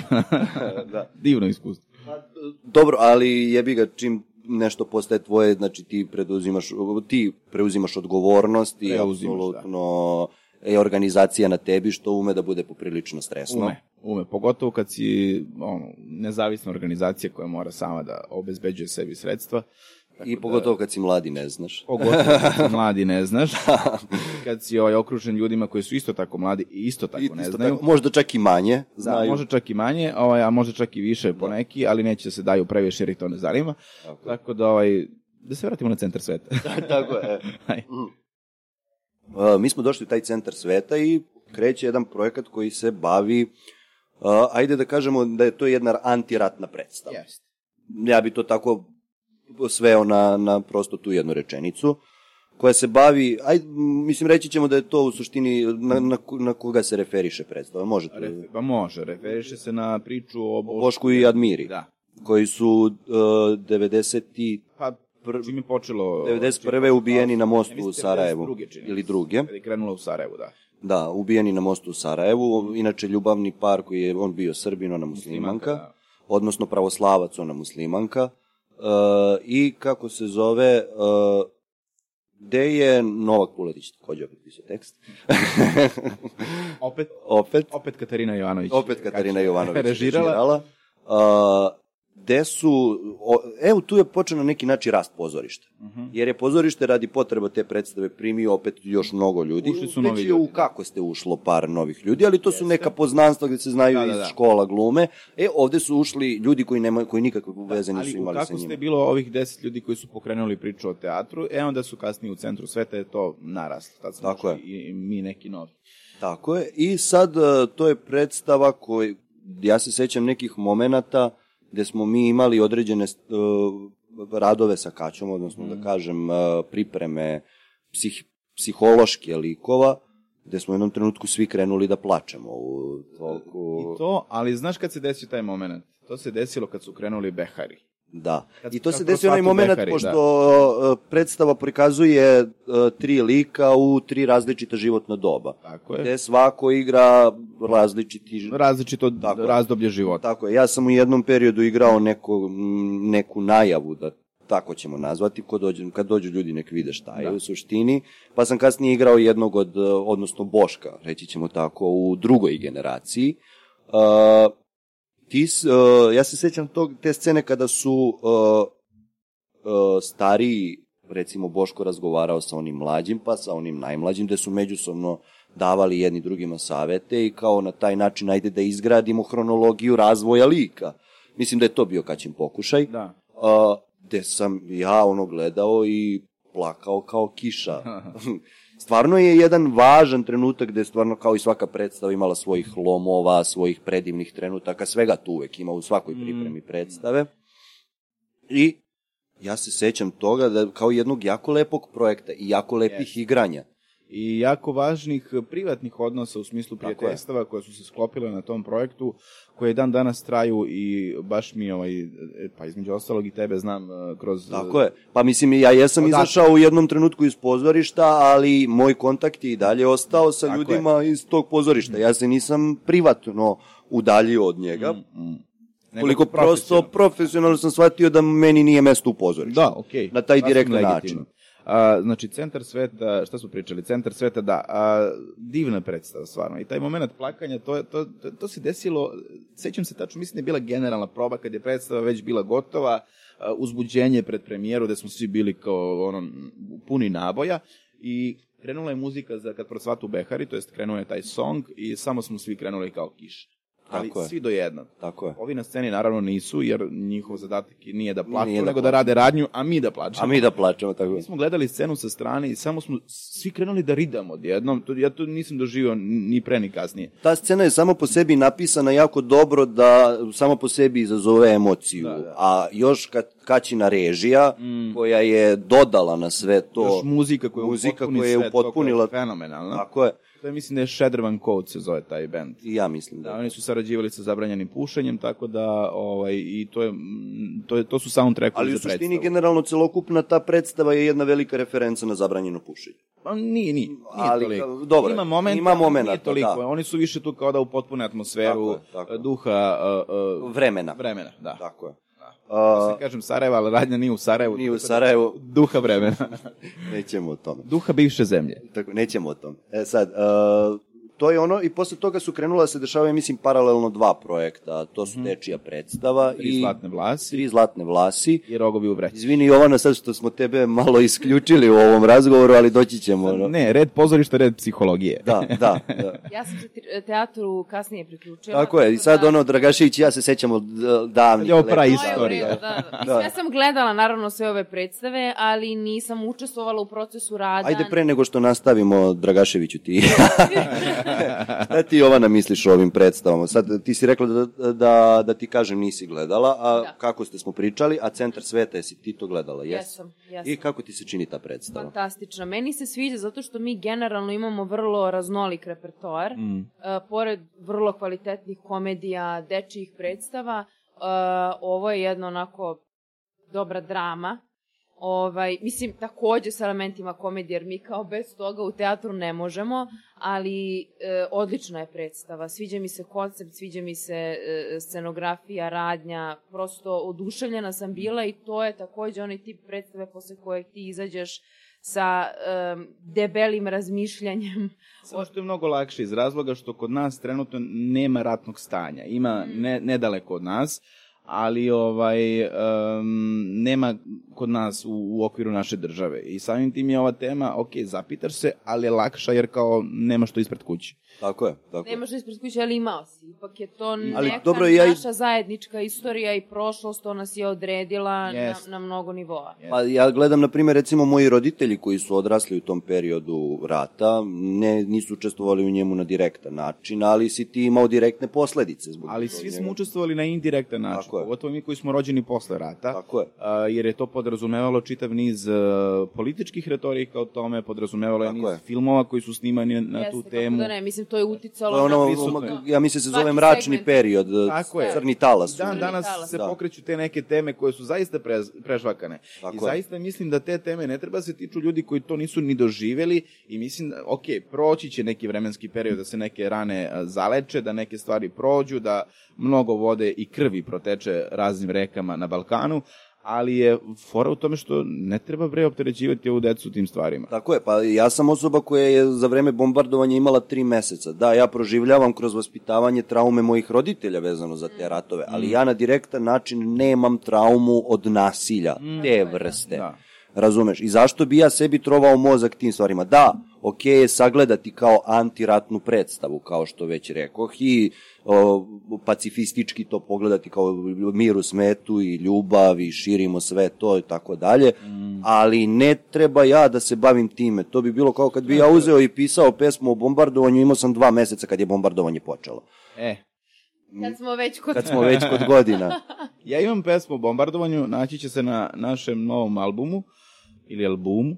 Ali ti si a- tad bio dete, razumeš? To je ono što, što si pomenuo, što mi sad palo na pamet, to jest osvestio sam ga. Verovatno je to kolektivno nesvesno ili Mm. da li su to te priče? Ja sam, samo znam da je to izašlo iz mene. Tako je.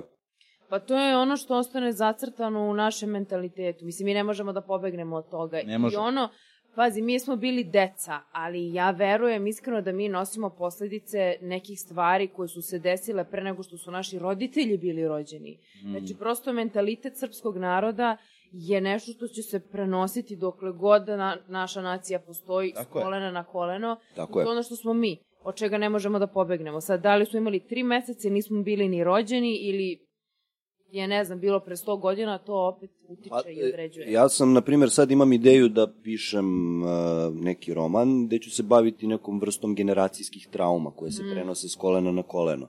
Uh, sad, bit će to na neki indirektan način i neke generacijske traume iz moje porodice i tako dalje. Koliko se neke stvari u suštini generacijski nasleđuju. Tako da je neizbežno i taj rat koji je moj otac prošao ili moj ujak, da se ne, nemoguće da se Ako one ne ne otac ocrta. ili ujak, komšije, Tako je. Nemoguće da se to ne ocrta i na moje... rođak. Ta- Znaš uvek nekoga Tako ko je bio direktan učesnik Jeste. rata. Tako je, tako je. I zašto, zašto je važno pratiti te stvari uh, u psihologiji i generalno u kliničkom radu, kada se radi studija slučaja, postoji nešto što se zove genogram. To je grafički Tako je. prikaz jedne porodice, šire, Tako je. uh, sa gde se beleži godine, te da kažem ti neki osnovni podaci i neki karakteristični događaji koji su se desili i, na primjer, odlike broj abortusa, alkoholičari, kocka i tako dalje. Ovaj, I vrlo je zanimljivo da to nešto što se ponavlja. Tako je. Postoji obrazci koji se, možda ne direktno iz generaciju u generaciju, ali neko pravilo u tri generacije sigurno će se ponoviti. Ili, na primjer, da e, tri generacije za redu imaju po troje dece. Ili da imaju po dvoje de, i da su to tačno kombinacije muško-žensko. Mm. Te neke stvari, znači, to su, to su nisu slučajnosti, sigurna sam. Pa ja ne verujem da slučajnost postoji. Isto. Tako da, ovaj, to je važno pratiti i meni je ta tvoja ideja odlična. Tako da, Pa to, to je ono bavljenje u suštini uh, samim sobom. Uh, Eto čiji je telefon. Našli smo ga. Eto vidiš koliko uh, pitanja uh, Sa koliko, koliko smo Alo, pitanja, alo. koliko smo mi pitanja samo na osnovu toga, e, ovo je antiratna predstava, mi pitanja izvukli iz nje. E, koliko, koliko je, Tako je. novih tema otvorila samo o, jedna predstava? Tako je. Jer ti u suštini, ali uh, to je ono uh, kako bi u suštini predstava i trebala da se po, posmatra. Ja ne znam da li ja sam tu, da li ja tu grešim, da ja kad odem u pozorište i gledam određenu predstavu, ne gledam laku zabavu koja je momentualna i koja je trenutna, razumete šta hoću da Mislim, vam ja, ja ne bih ulazio u, u tu vrstu kategorizacije. Ne, ne, ne da kategoriza- ne- Posmatram iz ugla profesije neke Tako je. stvari, potpuno razumem kolege koji se odluče na neke korake koji ljudima izgledaju kao, jo, je li moguće da o sebi radi? Uh, prosto i ovo je vrsta posla i ljudi preživljavaju. Tako, je. Da, pa, a, um, to je ono što sam ja pričao ali- juče sa spisateljicom, da je ona rekla, jebi ga, ja sam prvo morala pristajem na sve da bi mogla da dođem u po- poziciju da biram, jer ti od nečega Apsolutno. moraš da živiš. tako je. Uh, I sad dolazimo uh, sad do te situacije da uh, ta antiratna, kako se zove već predstava, ja dođem kad sednem u pozorište, sagledam predstav, predstavu u celini i dođem do toga, e, šta meni pod, pod kontekst hoće da kaže. A ja mislim da smo mi generalno kao ljudi postali malo gluvi za pod kontekst. Manje više. Mm. A uz, A sve više primećujem, da. koliko ti imaš izdro, izoštrena čula za te stvari, koliko aha, želiš da dobro, ih vidiš. Ovo je sad iz pos- profesionalne perspektive. Da. Pa, Mm. Da. A iz mislim, Ne, mislim, I ne, na ne, ličnom nivou zavisi. Tako je, da, da, da. Ja te pitam zato što ne znam da li se, ovo je više nepoznanica. Znači ti si meni, za podkontekst važ, je dosta važno i način na koji ti ga gledaš. Da li, da li Naravno. si sposoban za podkontekst? Tako je, da li uopšte posjeduješ kapacitet za neku dubinu i koliko je duboka ta dubina, koliko si ti spreman da kopaš po njoj, ideš, tražiš i tako dalje. Jer neko će se zadovoljiti apsolutno površnim slojem, a Aha. neko je rekao, čekaj, čekaj, pa sigurno ima nešto dublje. I onda se ja, na primer, iznova oduševljavam kada u tim nekim u scenografiji pronađem simboliku, kada pronađem u određenim gestovima na sceni, u kostimima, u načinima na koji neko priča, kada shvatiš da zapravo simbolika je prisutna, samo možda trebaš da izoštriš čula da možeš da je prepoznaš. Ali to je ono što... Gledamo dosta predstava na, na godišnjem nivou i on, Takođe. ono smo imali periode kad smo bili po 7 dana u pozorištu svako veče. Tako da često posle predstava razgovaramo o tim nekim stvarima i onda i samo običnog razgovora, našeg usputnog razgovora od, od pozorišta do kuće, mi izmenimo milion stvari. Tako je. Ali imaš ljude koji, e, mislim, super što su u pozorištu, ali dođu, "Ha, bila lepa predstava i odem kući zaboravim na predstavu. Tako je. A, to, mislim, ja te ljude ne osuđujem, niti... Prosto nije, mo- i pozorište se uči isto kao i Pozorište je za čitanje. sve. Tako je. Tako je, to Se je, uči, zato tako je. treba kondicija. E, Razvoj i on- kritičkog mišljenja. Tako je, tako je. Ali ti recimo u osnovnoj školi uh, imaš likovno, imaš muzičko, ali imaš dramsku sekciju koja je u okviru uh, srpskog jezika i književnosti. Tako je. I koja se bavi e, pripremama predstava za školske dane i Priredbe, da. priredbe. E, a zašto ne postoji poseban predmet koji se bavi isključivo Čekaj, dramskom? prvo mentalno zdravlje da uvedemo. E, ali, ali ne mora da bude sad to čisto kao da se bavimo mi naučno ili fenomenološki Ne, pozorište. ali da imamo Koliko- 45 minuta da mi radimo samo na tome. ali dobro, da ti to učimo pričaš- terminologiju, ne, ali vidi, učimo terminologiju pozorišta, učimo uh, bon ton u pozorištu. Koliko puta se desi tokom jedne predstave da zazvoni telefon ljudima? Dobro, da, ali sve ono što bi moglo da se postigne kroz taj predmet, već se postiže kroz, na primjer, srpski jezik. Ti se upoznaješ Ne sa toliko, literaturom, ne ti se upoznaješ sa razvojem kritičkog mišljenja. Mislim, generalno čitavo školstvo je zapravo napravljeno sa idejom da ti razviješ kritičko Ali mišljenje. se razvija kritičko mišljenje prema delima koje mlade ne zanimaju. Tako to je veliki to, problem. To obično zavisi od profesora koji uspe ili ne, Ne uspe da zaintrigira uh, učenika za određenu oblast. Dobro, Da, to dosta ali- zavisi od zrelosti pojedinca. Tako je, ali- ne ali zrelost, ali ne, general, e, ne radi se o generalizaciji, ali mora se e, doći do toga da ti a, prosto daš priliku nekome da zainteresuje nekoga za nešto. Tako je, ali ti ne možeš sad uvesti predmete, idem pre, pe, predmet koji će se zvati teatrologija, ali, Ne možeš. ali kada bi ti uveo to da ti uh, decu jednom uh, mesečno minimalno vodiš u pozorište, Tako je. uh, rade ti bi, to škole. Ti bi na praktičan način faktički učio decu uh, O primeni, Tako je. primeni Rade to škole. Tako je. Činjenica I je, onda rade. izdvojiš taj jedan čas mesečno koji će da se bavi razgovorom o toj predstavi. Evo, pričali smo kako ste, uh, nama često škola iz Smederevske palanke uh, dolazi na predstave kolektivno.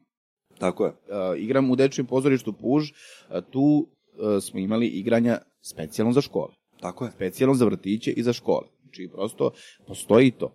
I ne kažem da ne postoji, nego kažem u smislu ako bi se neko bavio time ili obično ode u neku školu glume, u smislu obrazovanja, ti u programu osnovnoškolskog obrazovanja i srednjoškolskog obrazovanja nemaš taj brand. Ili Tako to je na nivou sekcije. Ali imaš kao van nastavnu aktivnost. Kao van nastavnu Ali aktivnost. ono što je pored tog praktičnog vođenja na predstavu, uh, često nedostaje jeste razgovor. Tako je. Hajde da pričamo, hajde da, hajde da vidimo zašto je ova tema važna. Pa kako si ti to doživeo, šta si ti primetio? Mm.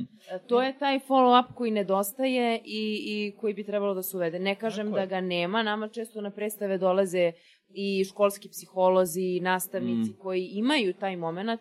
Meni je najdrže posle predstave kako ste kada se neko odvaži da nam pošalje poruku e, men, ja sam Hvala. uradio to i to ili shvatio sam da imam taj i taj problem, želim da rešim, pa ajde. Tako da, Pa znam da je u jednom periodu imali i, i tabla, razum. Da. Imali smo i tribine posle predstave. E, pa bio mi jedan gost koji je radio za onu psihološkinju kartice. Mm. A, sećaš se onaj performans kad je bio u, Da, pa, da, u da. Palilu? Da, da, da, da, I da. sećaš se onog ilustratora koji je radio kartice, Kosta Milovanović. E, on mi je bio, on mi je bio treći gost. ovde. Super. Prava. Da. Tako da, važno je i kroz pozorište i kroz e, priče, razgovore o pozorištu, edukovati ljude. Tako Znaš, je. kao sad, e, kao, nemamo sadržaje na televiziji. Nije tačno. Nije tačno. imate r- Ima javni servis koji ima milion kanala koji su specijalizovani. Imaš uh, RTS dramu, RTS muziku, koji imaš fenomenalne Tako sadržaje. To što ti biraš da gledaš nešto što ti smatraš da je Ali druga stvar je koliko je koliko do mi tebe. koliko mi biramo uh, uh, na primjer dokaz da mi uh, ćemo i da izaberemo ako možemo da biramo između kvalitetnog i manje kvalitetnog da ne kažem đubreta.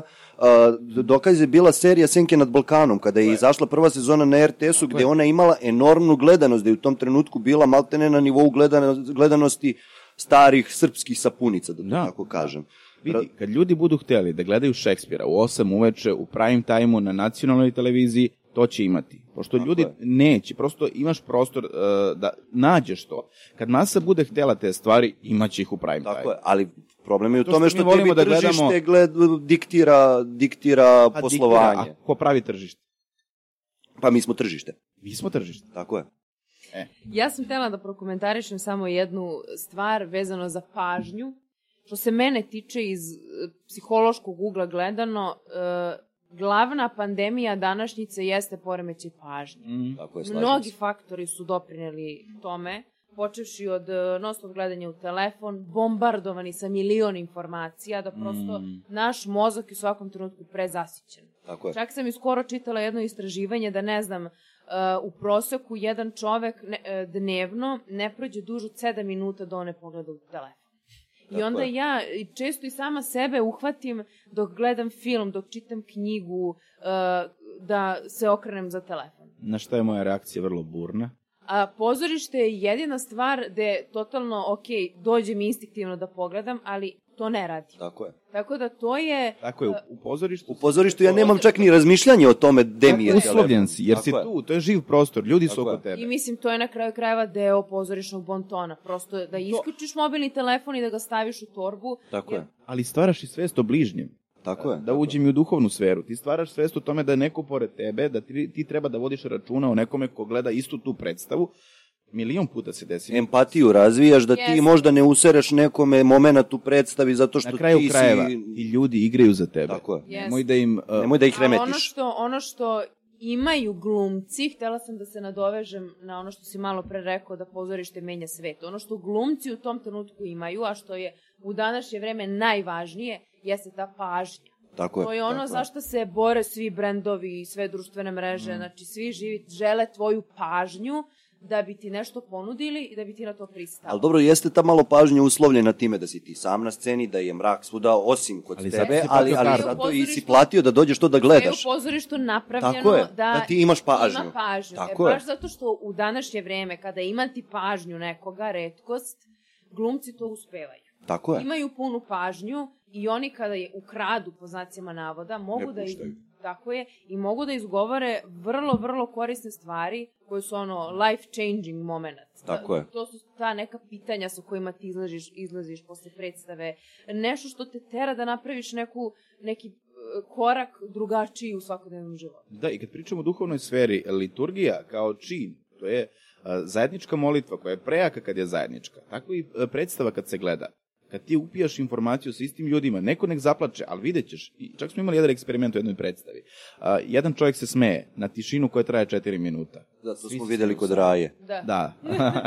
Kad Između Raja krene, pokrene smeh, svi krenu da se smeju. Ali to nije bilo namenski, to nije Tako bilo je. režirano. Tako je, da, postupak samo je prosto čovjek krenuo da se takav. smeje i onda su svi na osnovu njega. Pa to je ono priča da je aplauz zarazna stvar. Ako jedan krene da aplaudira, svi Apsolutno, će aplaudirati. apsolutno. Samim tim je, e, imaš drugačiji, e, drugačiju percepciju nekog dela koje posmatraš uživo. tako. Evo, gledaj film sad kod kuće, u fazonu si sam, gledam film, ok, pogledao sam divan film, dirljiv, pogledaj ga u bioskopu sa Tako ljudima. je. Neće biti isti Neće doživljaj. biti isti i više ćeš razmišljati o filmu kad izađeš iz bioskopa nego kad ga gledaš to sam. kući. govori o potrebi da se e, neke stvari rade e, da se neke stvari rade e, zajedničkim silama. Tako je. To podrazumeva da mi e, neke dobre predstave, mislim svi smo mi individue, svi različito shodno svom odrastanju, karakterima i drugim e, elementima ličnosti e, posmatramo određene stvari, ali kad mi zajedno upijemo informaciju, ako imaš e, zajedničku reakciju sa tri osobe u publici, ti već prepoznaješ da, da tu ima nečega Nečeg što mo- zajedničkog što nečeg stvara. zajedničkog i samim tim i između uh,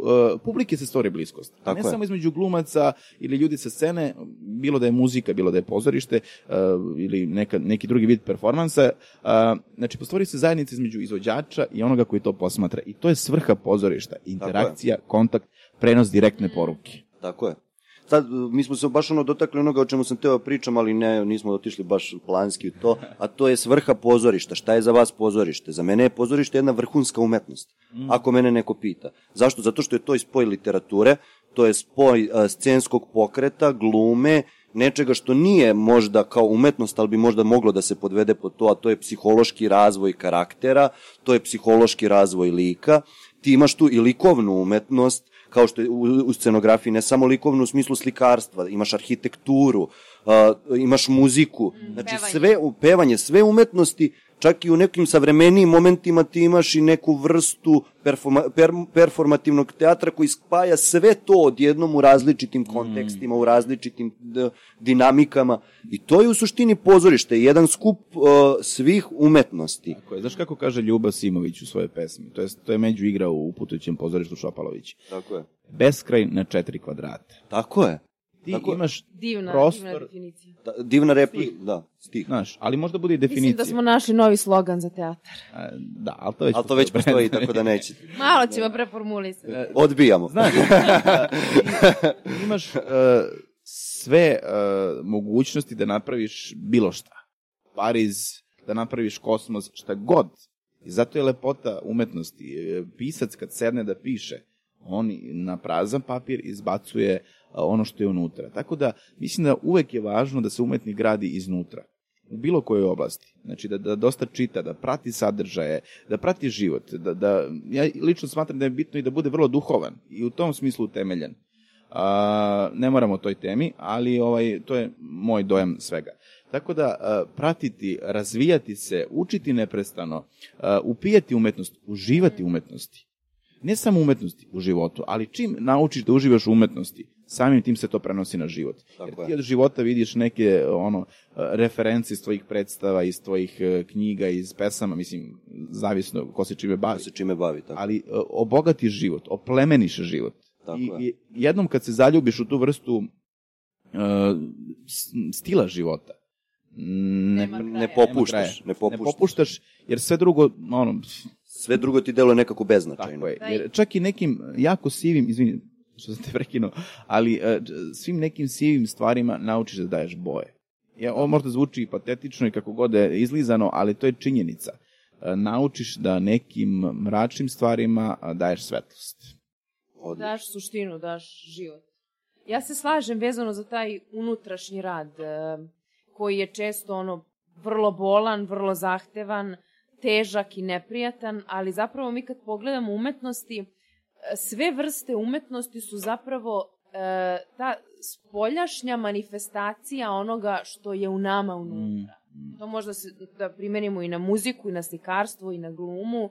E, toliko ima tih skrivenih stvari koji su zapravo pokretač, a vidljivo je samo ono s polja. Tako je. To je rezultat našeg unutrašnjeg bića, unutrašnjeg rada i tog sveta koji je u nama skriven. Znaš kad kažu, pa dobro, ja slušam to, to je pitanje ukusa. Ne, nije to pitanje ukusa, to je pitanje mentalnog stava koji gradi ukus. Tako je. Da bi ti je. imao, A, ukus, a, ukus nije stvar uzročno posledična, ona mora da nastane na osnovu nečega. Nečega. tako je, tako je. Ima ona čuvena kao, e to, spo, e to iznutra, to ti se sve vidi s polja. Tako je. Tako da, to su neke stvari, ja uvek navodim primer i, i oblačenje. Mm. E, to je sad posebna grana psihologije, psihologija obla, oblačenja.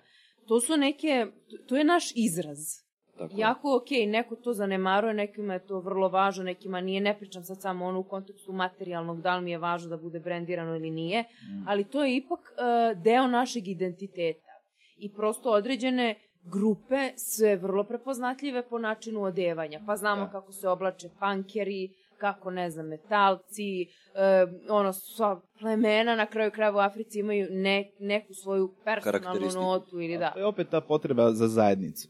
Tako je. Za Da se ti nađe, Pripadanje. da budeš u jednoj grupi, u određenoj grupi. Potreba za Tako je. Za pripadanje. zato je- Pripadanje grupi, tako da, je, bravo. Da, zato je važno e, i, i porodica, naravno, kao ono osnovna jedinica društva. Kao baza. Kao Važno baza znati svega. kome želiš da pripadaš. Tako je. Da. A to se gradi. Tako je. Jeste. To je vrlo, vrlo o, važan deo našeg identiteta ličnosti. E, zato mi je Pripadanje. drago što mi pripadamo pozorištu. Da. Pa to je ono sad, uh, ja sam, na primjer, u jednom trenutku u pozorištu shvatio da sam ja jedan uh, teški individualac i da ja u grupi ne mogu da A funkcionišem. to si isto Bruce. E, I ja sam onda došao i počeo da, bav, da se bavim nekim samostalnim radom, ajde da kažemo to je pisanje poezije, a onda sam shvatio da ja mnogo više zavisim sad u ovom trenutku od drugih ne svojom voljom, nego što sam zavisio dok sam bio u pozorištu. Sam tu imao možda veću slobodu nego sad, recimo sad imam urednika, imam ovoga, imam onoga, koji mi diktira, s kojim sarađujem direktno, ali koji mi diktira neke stvari, jer čovek je možda po defaultu u pravu, mm. razumeš, jer je urednik. Mm, izuz- Izuzet ćemo to, ali uh, Ogradit ćemo. ogradit ćemo se. Politička korektnost. Kole, korektno. Znači, naslov podcasta Politička korektnost. Daj, nemoj da mi spali sad knjige dok su još u štampi. Mada ovo će izaći tek kad izađu, tako da bole me E, e, ali... Aj. E, čekaj da, da Jovana vratim slušali. Ip. Ip. I sad za ovu bi ispričao priču, ali kao, okej. I ja isto. ne moram Ne moramo, ne moramo. Da, da. Pa, uh, u suštini, ajde, pošto uh, vratili smo se sa pauze i sad mi smo poprilično priču raširili, gledat ćemo sad da sagledamo da bismo bili u određenom vremenskom okviru koji vi morate da ispunite zbog obaveza, uh, da ispričamo, jer smo otišli u sto nekih U, u. različitih tema o koji možemo samo nezavisno od tome da pričamo tri sata, Mm. uh, što možda i nećemo uraditi, što uh, nije Maybe, baby. isključeno. To kaže. Uh, I sad, uh, ono što se desilo posle toga jesu predstava Tri zlatne vlasi i predstava Rogovi u vreći. Tako je. Uh, Jovana, izvini, ali opet će Dragaš biti u fokusu. Ali kao- Prekasno si došla. da, Ja sam došla u pravo vreme, hvala. uh, u pravo vreme za pozorište, uh, a i za tebe. To da, to da, to da. Evo ga. O, sad si mi bacio vruć krom, krompir. Tako je. Sad moram da se branim, ja prenosim ti ga. da. Ovo je dobro. E, ispao je. Ispao je na Oh, no. E sad, uh, opet smo krenuli. I sad, uh, uh, za tebe izrazito važne obe predstave. Jesu, jesu. Dečija predstava Tri zlatne vlasi, tu sam i radio muziku, Kaća režirala i pisala. Ovaj, igrali smo, uh, igramo još uvek, to je divna energija. Tu, tu, šta se s decom izdešava tokom jednog izvođenja, to je fenomen. Da, dečija predstava je u suštini umetnost za sebe, kada je da. pozorište u pitanju. To je fenomen. Oni su toliko iskreni. Ako ti je dosadno, mama daj smoki, dosadno mi je. Meni se desilo u Pužu, ovaj, igrali smo princezu Dušicu u zamku duhova i sad pošto je scena od publike jako naš mali je razmak i pošto Faktički su na proscenijumu već tako deca. i mi izlazimo iz publike na scenu i sad sam slučajno nagazio jedno dete. Znaš, očekujem da mi se izviniš. I sad ovaj, i kao ja prođem, a sad ne mogu da prekidem, mislim u radnji sam, ne mogu nikako da, da mu se izvini. I, ovaj, I izađem sa scene, vraćam se drugi put. Nisi mi se izvinio. I završila se predstava, poklonili smo se, i ja sam rekao, e, izvini, jel sad okej? U redu je. Opraštam ti. Opraštam da, a to ti. ono kao E. ti u predstavama za odrasle imaš feedback tek posle ili ako je komedija u vidu smeha. njih direktno A, a od deca imaš instant. E, i sad zamisli, uh, iskreno, vrlo Tako, iskreno. I vrlo iskreno, Da, bez, da. da, da. E sad zamisli svako igranje tako, gde oni potpuno ono iskreno govore neke stvari direktno, znači, a skloni se ružan si, a dosadan si, ma neću da gledam, bre, skloni mi se. Znaš, da su oni vrlo ono direktni da tebe malo kao poljuljaju u smislu kao, čekaj, pa što je loše radim. Znaš, Tako ali kao čup, ono, moment improvizacije, čup, mislim, ne improvizacije, nego vođenja radnje, Tako a, ali improvizacije po potrebi, kad z- ostvariš interakciju sa njim. Tako Tako je. da, ovaj, e, mi volimo tu predstavu, svi baš smo ovaj, pričali pre neki dan da bi trebalo da igramo uskoro opet, jer je predstava, ono, zaista, mi uživamo u toj predstavi, samim tim, kad mi uživamo, deca će sigurno uživati. Eto, Vi ste imali čak i u jednom periodu jedan bolestan tempo igranja te predstave Bolestan za tempo. novu godinu. Gde Ne, ne, mi smo igrali pet predstava dnevno. Da, da. Pet predstava dnevno gde smo, ono, gde smo a vrlo je fizički zahtevna i uh, iziskuje naše glasove, naša tela koja se ono potroše posle trećeg, četvrtog igranja da si ti u fazonu Jo, ajde još jedna. A posle, pred, pred prvu predstavu si u fazonu, da, je, hoću super, ono, kao igramo najzad i posle pete, ja, ne mogu više. Ali to ti samo ono govori o tome da kalkulacija ne postoji, razumeš, u tom trenutku. Da, Da, da. Eto, tako da tri zlatne vlasi su divna predstava i ovaj a Rogovi u vreći su jedan fenomen pozorišni koji se meni u životu desio, jer sam prvi put radio absurd kao žanar, a mi smo pre toga kao planirali, pošto je to bila saradnja između Akademije 28 i našeg teatra i kao ajde imate jedan tekst, to je po filmu 7 godina, i kao preveden kod nas kao rogovi u vreći, mi smo to dramatizovali i kao mi smo razmišljali to da to bude thriller, kao haj, kako thriller u pozorištu, kako to napraviti i onda ovaj reditelj uh, Jovičić Marko Dimi, ovaj naš dragi prijatelj, drugi kolega, uh, koji je ovaj, uh, došao na probu i rekao, radimo absurd. Da jer uh, I mi ušao, a mi- a mi 20 dana već kao čitamo tekst da bude thriller. Radimo absurd. i to je tri nedelje pred predstavu. To je 9 dana pred predstavom. Dve- Devet dana pred premijeru. Zato što je on zakazao premijer. U stvari nije on zakazao, nego a, desilo Po se... ugovoru, ja mislim ne, da ste nego dobili, se, da. I po ugovoru, ali se desilo da, smo, da je premijera bila zakazana za 20. februar i da su oni a, nama skratili termin od o, 18 dana iz ne znam kog razloga. Ne znam šta je tačno tu bilo, ali znam da su nam rekli moramo 3. februara da imamo premijeru. Da smo bili u fazonu, Šta? aj bre, ono, kako jebote.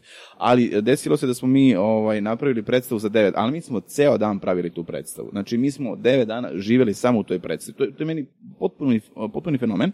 Znači, tu je igra uh, Đorđe Kreća, Kaća Jovanović, e, Nikola Blagović e, Blagoje, e, tad je premijerno igrao Nikola Todorović Todor i ja. I, ovaj, I mi smo za 9 dana, režirao je Marko Jovičić, tekst adaptirao Novak Puletić, zajedno sa ansamblom i to je ovaj predstava koja je za 9 dana uh, napravljena i trajala je sat i 50 minuta.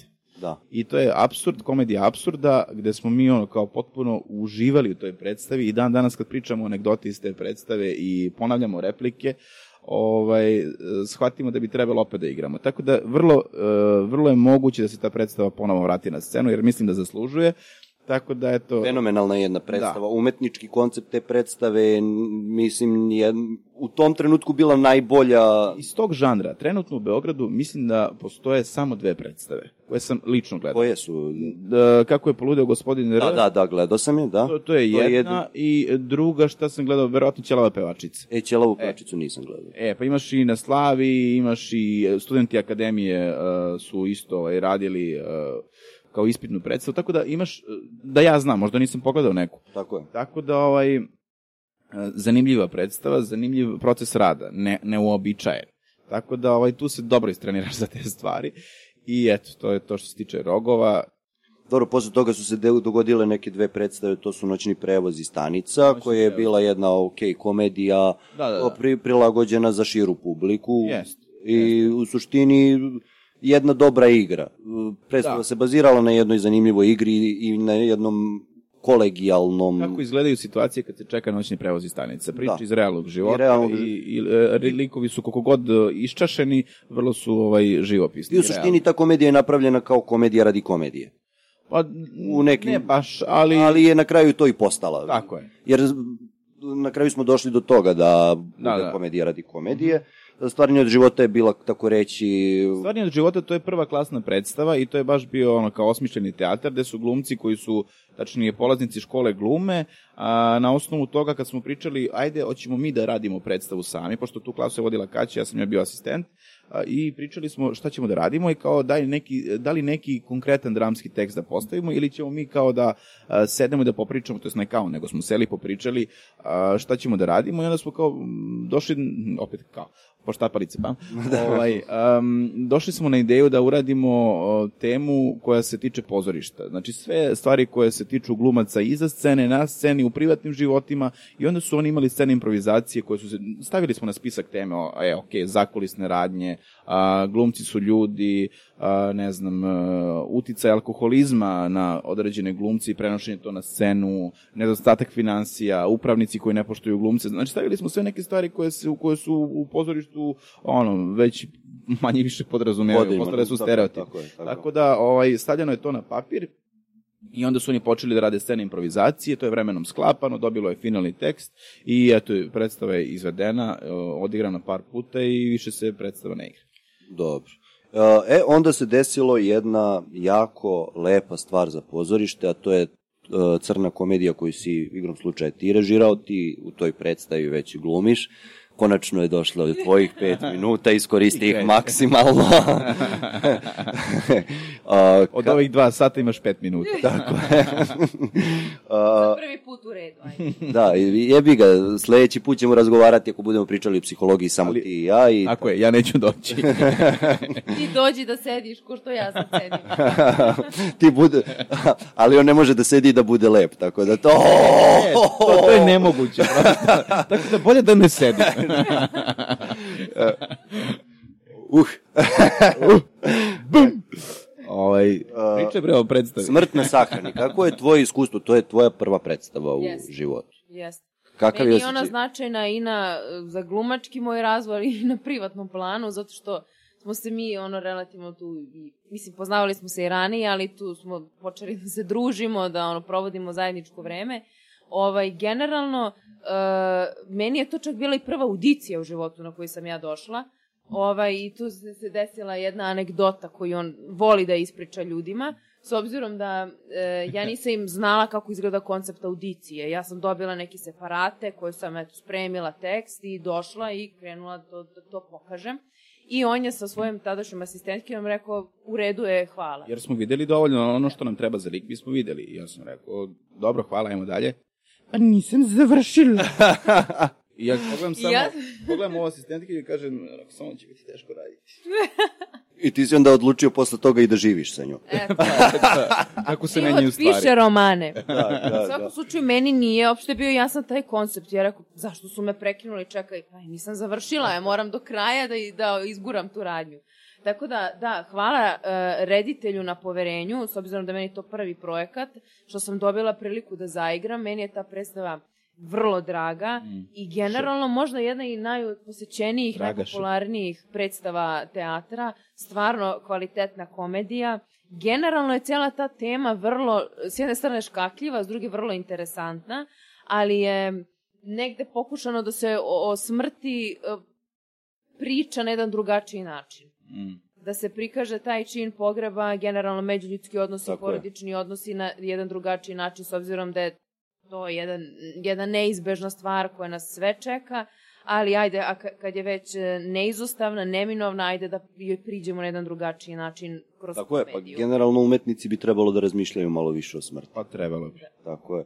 Jer kao, okej, ništa nije... Ne samo umetnici, svi ljudi. Svi ljudi, da, razmišljati da. više. Jer kad bi malo više razmišljali o, o, o smrti, onda bi raž- razmišljali više i o životnom sadržaju. Ne bismo izazivali neke posledice koje su kolateralno šta. Tako je, tako je. Tako je, da. A, Generalno mi je e, to bilo prvi put e, prilika u životu da vidim kako izgleda od početka do kraja proces rada na predstavi. da. koliko je tu stvari, uh, koliko, je, koliko su važni ljudi. Glumci, energija, njihove ideje, jer taj Apsolutno. neki naš prvi tekst koji smo mi dobili i predstava koja se danas igra, ok, naravno, to je ta predstava, ali koliko je na probi spontano ubačenih fora, nekih gegova, stvari koje su prirodno izašle iz glumca kao ne znam, neki komentar ili fora, ali u stvari bilo genijalno i ono, mm. ostalo u predstavi kao... U suštini videla si koliko je u rad na predstavi jedan otvoren i slobodan proces. Yes. Yes. Zavisi. Zavisi od... Do određenog Zavisi nivoa, od da. Da, da, da.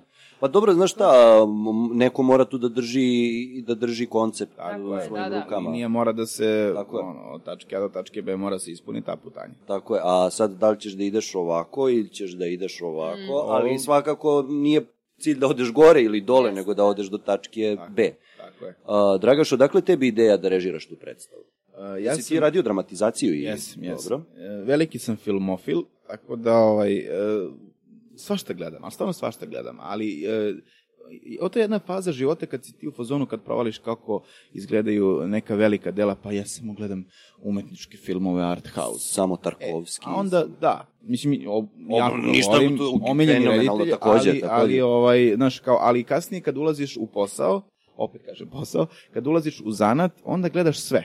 Tako je. Jer učiš neke tajne zanate, kako se radi neki žanr, kako se igraju neke situacije, e, znaš, primenjuješ ono što učiš na akademiji u svakom mogućem umetničkom delu. I ono što smo pričali o pozorištu, malo pre samo ću kratku digresiju, e, teško je gledati iz ove pozicije predstavu kao, aha, a, divan komad, ne, kako je izašao ovaj, gde je stao, tako i filmova isto. Tako je. I ovaj, iz te strane volim da gledam što više sadržaja različiteg, ra- različitih e, formata. Od crnih komedija, trilera, e, u pozorištu isto što raznovrsnije gledamo. Od estradnih predstava do ono na, najalternativnijih predstava koje postoje u gradu. Baš volim da imam širok e, utisak o pozorišnoj sceni i o filmskoj sceni i prosto i o muzičkoj naravno. Ovaj, tako da Gledao sam Smrtne sahrani film, koji ima znači britansku verziju iz 2007. i ima a, američku verziju iz 2010. godine. Tako je.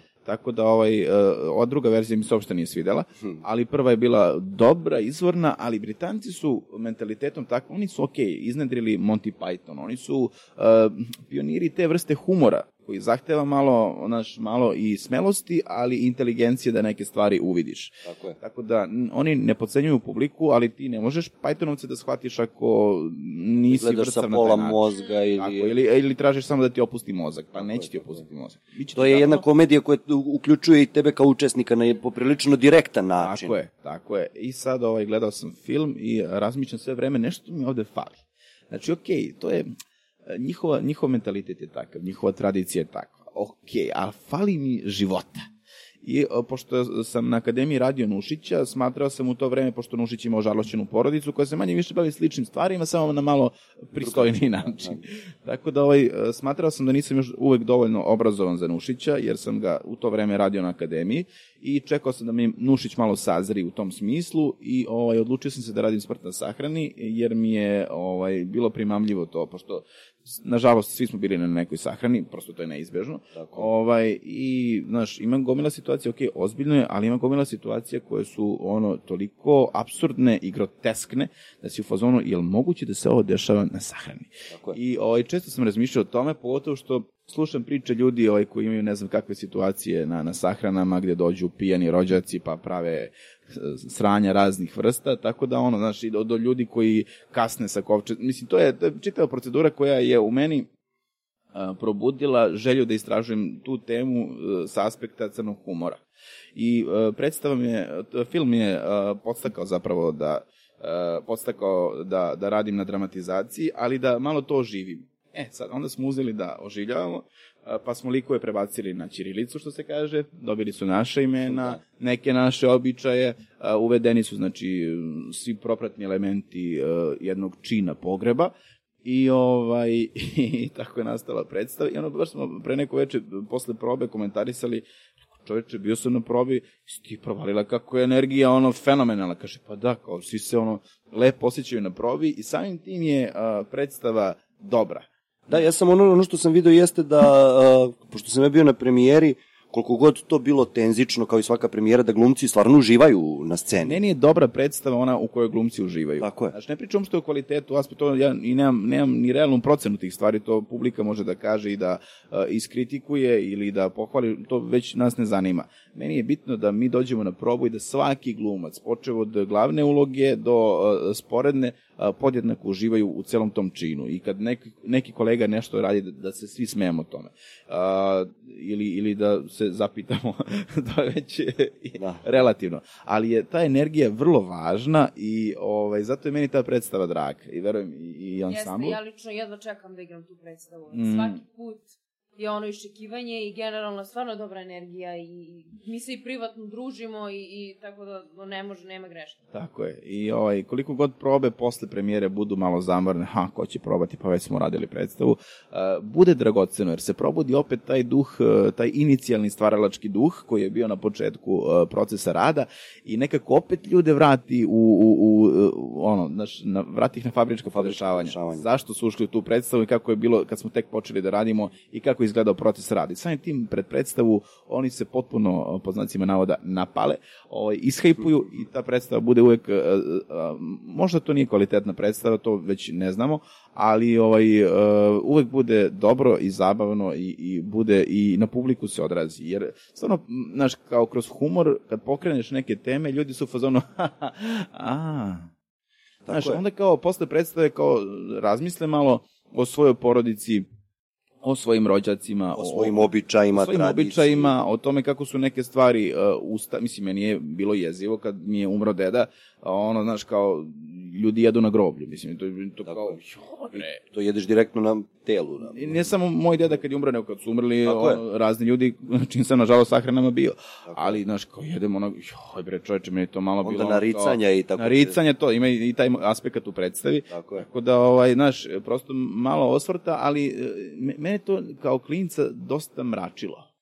Tako je. Ne, ne sama smrti, nego običaj su me mračili. Meni su ti, ono, pogotovo, znaš, kad zađeš malo tamo među, ono, u vlašku kulturu, pa si u fazonu, ovi ljudi, tek šta oni rade Tako s tim, je. to je ono baš bio poseban ti... hajp imaš i ono kao dušnog brava, davanje dušnog brava, gde su nešto povlači se, provlači se ispod, ispod stola na, na kojoj je ovan, imaš stvarno jezivih običaja. Ti kažem, i onda, znaš, kao, koliko god me to, pošto obično ono što me mrači privatno, ili ga, a, ono, kroz muziku filtriram, ili se sprdam s tim. Prosto to je neka, neki moj mehanizam film. odbrane i prosto, znaš, ovo sam shvatio kao mehanizam odbrane, kojim ću se suočiti sa sobstvenom smrću i malo se s tim poigrati. Tako je, ali tema je stvarno dobra da ti od toga po automatizmu možeš da praviš komediju. Ne mm. moraš da budeš određeni stručnjak sad za komične elemente u predstavi, za dinamiku, za tempo, za da jer ta tema sama po sebi pravi određenu crnu komediju, da. samo ako uđeš malo dublje u, u, u tu temu. I bili smo ovaj, na jednom sastanku za, za seriju koja treba se radi, neću ništa otkrivati sem toga, ali reč je isto o ovoj tematici gde lik koji je, mislim, čovjek koji treba da piše tu seriju, e, koji je vlasnik pogrebne opreme, koji je nama ispričao takve anegdote da ti ne veruješ šta ljudi rade na tim činima. Ja sam bio u fazonu što te nisam ranije čoveče upoznao. Da, da, da. Ulacimo ovu predstavu. Tako je, tako je. Ovaj, zato što to, to, je, to je fenomenal. I, eto, generalno govoreći, uh, ja mislim da je jedan od glavnih kriterijuma za dobru predstavu identifikacija. Tako Kada je. ljudi sebe prepoznaju na sceni mm, u nekom mm. liku i onda njima taj moment bude komičan. Čak i ako su predstavljene njihove mane. Tako ne... je, ali izvini što te prekidam, ali mora da bi to, da bi bilo došlo do identifikacije, odnosno to umetničko delo mora da bude dovoljno univerzalno. Tako je. Tako je i da gledaoc bude svestan tih stvari, znači da bude osvešćen u tom nekom trenutku da bi uh, mogao sebe da prepozna u određenom komadu, liku, u određenom gestu na sceni i tako dalje. A ovo je baš tema koja je univerzalna, mm, što on kaže, svi smo nekad bili na nekoj sahrani i možemo da se poistovetimo sigurno sa makar nekim delom predstava. A da prepoznaš svoje baba strinke i ostale tako je. koji dolaze tu, vidiš ih tada i nikad više. Tako je, da. tako je. I taj, taj fenomen smo obradili, znaš, ko su, znaš, ko je čovjek, pa to ti je, znaš, da, tvog strica, rođeni brat od tetke, mislim, pa ajde, pustim čovjek, da, pa vidim čoveka prvi put u životu. Ljudima je bitno da, da se pronađu. Jer ono, to je i negde pokazatelj da, mi, da im je jasno šta je pisac teo da kaže, šta je reditelj teo da postigne.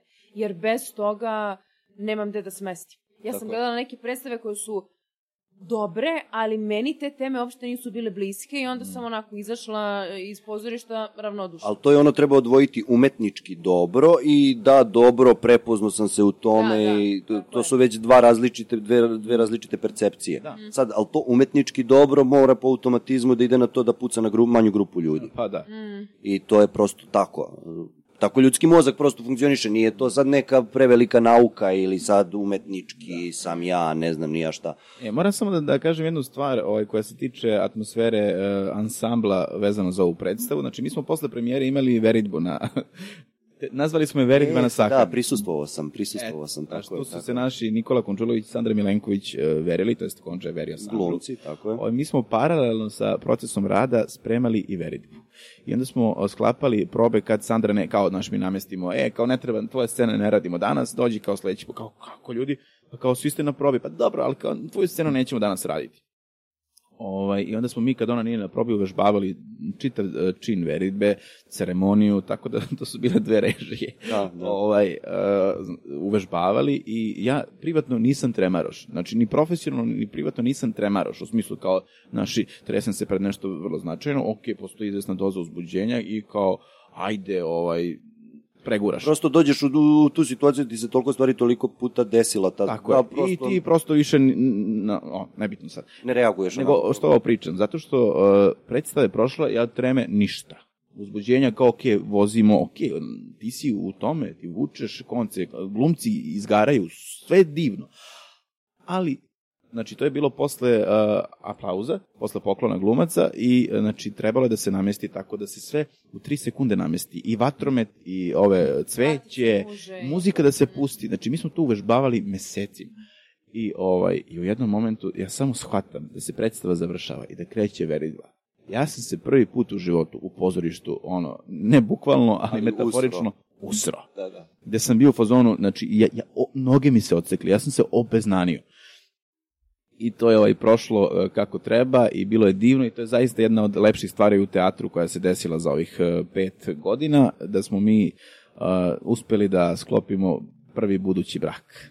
Fenomenalno. To jest oni su, ali mi smo im pomogli u tome. Da, ali baš lepa priča u suštini. Jest, Uh, jest. Celokupna ta predstava je jedna lepa priča. Jest. Ako je to jedina posledica, odnosno jedin, jedini, jedino što je ta predstava donela, onda je to velika stvar. Tako je, to su naši divni prijatelji i zaista mi je drago što su odabrali baš tu predstavu da, da eto, da uđu u bračne vode, jel te? Dobro, kako ste došli u tu saradnju recimo sa Dušanom Maškovićem? Pite gospođicu. Pa mi smo, ja zapravo, tu su bili uh, kolege iz teatra koji su na neki način stupile u kontakt sa njim i dogovoreno je da, pošto je moja klasa trebalo da radi klasnu predstavu, da on bude reditelj. Tako da je on dramatizovao uh, davitelj protiv davitelja i doneo relativno gotov tekst, predložio i mi smo pristali, dopalo nam se, pogotovo što se radi o jednom kultnom filmu koji je ono vrlo autentičan i za to Pogotovo vreme... iz svoje perspektive kao psihologa, Tako pretpostavljam. je, to je tek priča za sebe koji je on autentičan i za to vreme, ali i u današnjem vremenu. Vrlo. Tako da negde je do nekla to i bila rediteljska zamisao da ta priča koja se dešavala u tom periodu uh, pokuša da ispriča jedna nova generacija ljudi koja je umeđu vremenu stasala i da vidimo kako bi to izgledalo e, sa svim tim otklonima ovaj, e, u današnjem vremenu, ali isto tako i da ubacimo glavne kar- karakteristike današnjeg vremena i uradili smo je da ima donekle i dokumentarnu formu, Mm. znači gde ima narativni deo i kratke scene isečke koje su prekazivale događaje iz tog vremena, odnosno onome što se dešavalo po originalnom, originalnoj radnji. Da, pa u suštini to je jedna jako značajna tema zato što se bavi psihopatijom kao pojavom. Mhm. Uh, I o, pre svega ne zato što nije samo psihopatija koja je posledica, nego uzrokom celokupne. Mislim, svi smo gledali film, mislim, nadam se, barem. Ima ljudi koji nisu. Da, to, to je fascinantno. Ne, ja sam bio vrlo iznenađen. Uh, gde ti imaš, uh, sagledavaš uh, glavnog lika i njegov odnos sa majkom. Tako je, on je tek posebna ovaj, sklop ličnosti i njegov odnos sa majkom vrlo ovaj, Moment Hitchcock. patološki. Tako je, tako je. Da, E, i mi smo onda i nekako pokušali da zapravo postavi, pošto to baš ono ekstremne situacije, ekstremni tipovi odnosa koji nažalost postoje i vrlo su realni, Tako je. ali pokušali da, da se zapitamo ko su davitelji danas. Mm. E, šta to nas danas davi? E, šta je ono što nas odvlači od tih nekih pravih vrednosti i čini da se mi osjećamo udavljenim? Pa to je ono, ja sam čitao neko istraživanje koje je da je uh, tipa CIA ili FBI, ne mogu, nemo- nemojte me sad držati za reč tačno, gde su radili uh, psihopatije kroz uh, filmove. Gde su pravili odnos tome ko je najrealniji psihopata i pričali su o, o Amerika, American Psycho i tako dalje i tako dalje, gde su došli do zaključka da je u suštini glavni lik davitelj protiv davitelja najrealističniji prikaz psihopate. Eto. Da je to ono osnova psihopatije, školski primer. Da, da. Tako da e, jedna fenomenalna tema, jedna e, koliko, e, koliko je to s jedne strane tako težak film, s druge strane ima i određenu romantiku u celoj toj priči. I I duhovitost. duhovitost, tako je, svi svi znamo lik Sonje Savić jebi ga i Da, da, tako da. dalje u to, ali nećemo se baziramo sad toliko na film koliko na predstavu. Mhm. Šta je vama doneo rad kroz tu predstavu? Kakav vi imate odnos prema tom vremenu? To nije vreme u kom ste vi živeli. Nije, tako je. To je, tu smo donekle razgovarali o tim simbolima filma, na primjer zašto baš karamfili.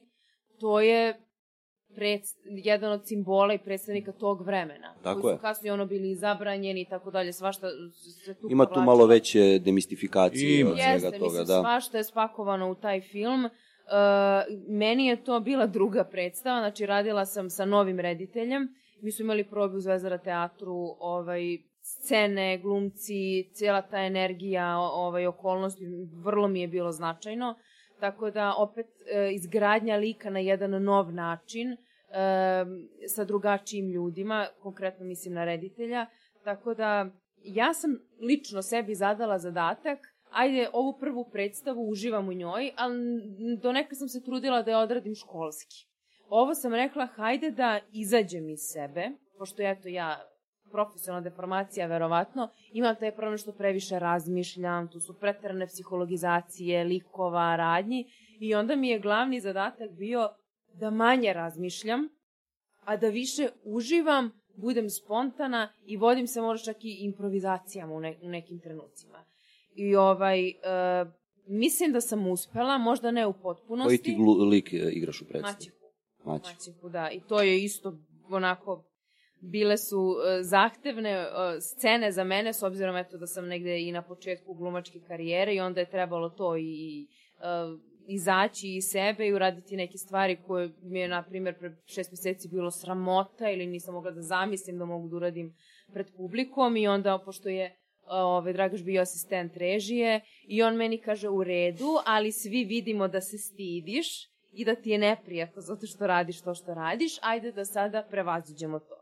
A ja stojim, izvodim određene radnje, a mene 15 ljudi gleda. I kao u redu, mogu ja to, idemo. Mislim, to je naravno proces koji je trajao, ali mislim da sam uspela, možda ne u potpunosti da ostvarim taj zadatak, ali da napravim određeni i vrlo značajan korak kao ostvarenju, jer ovaj, izaći iz sebe i nekih svojih okvira nije jednostavno i nije nešto što može se postigne u procesu rada na jednoj predstavi. To je možda čak i celoživotni proces. Mm. Tako je. Pa, završiti proces znači, da se vratimo na smrt, umreti. Da. Pa ne. Mislim, završiti proces u celini. Vratiti E. se na početak. Ili vratiti se na početak.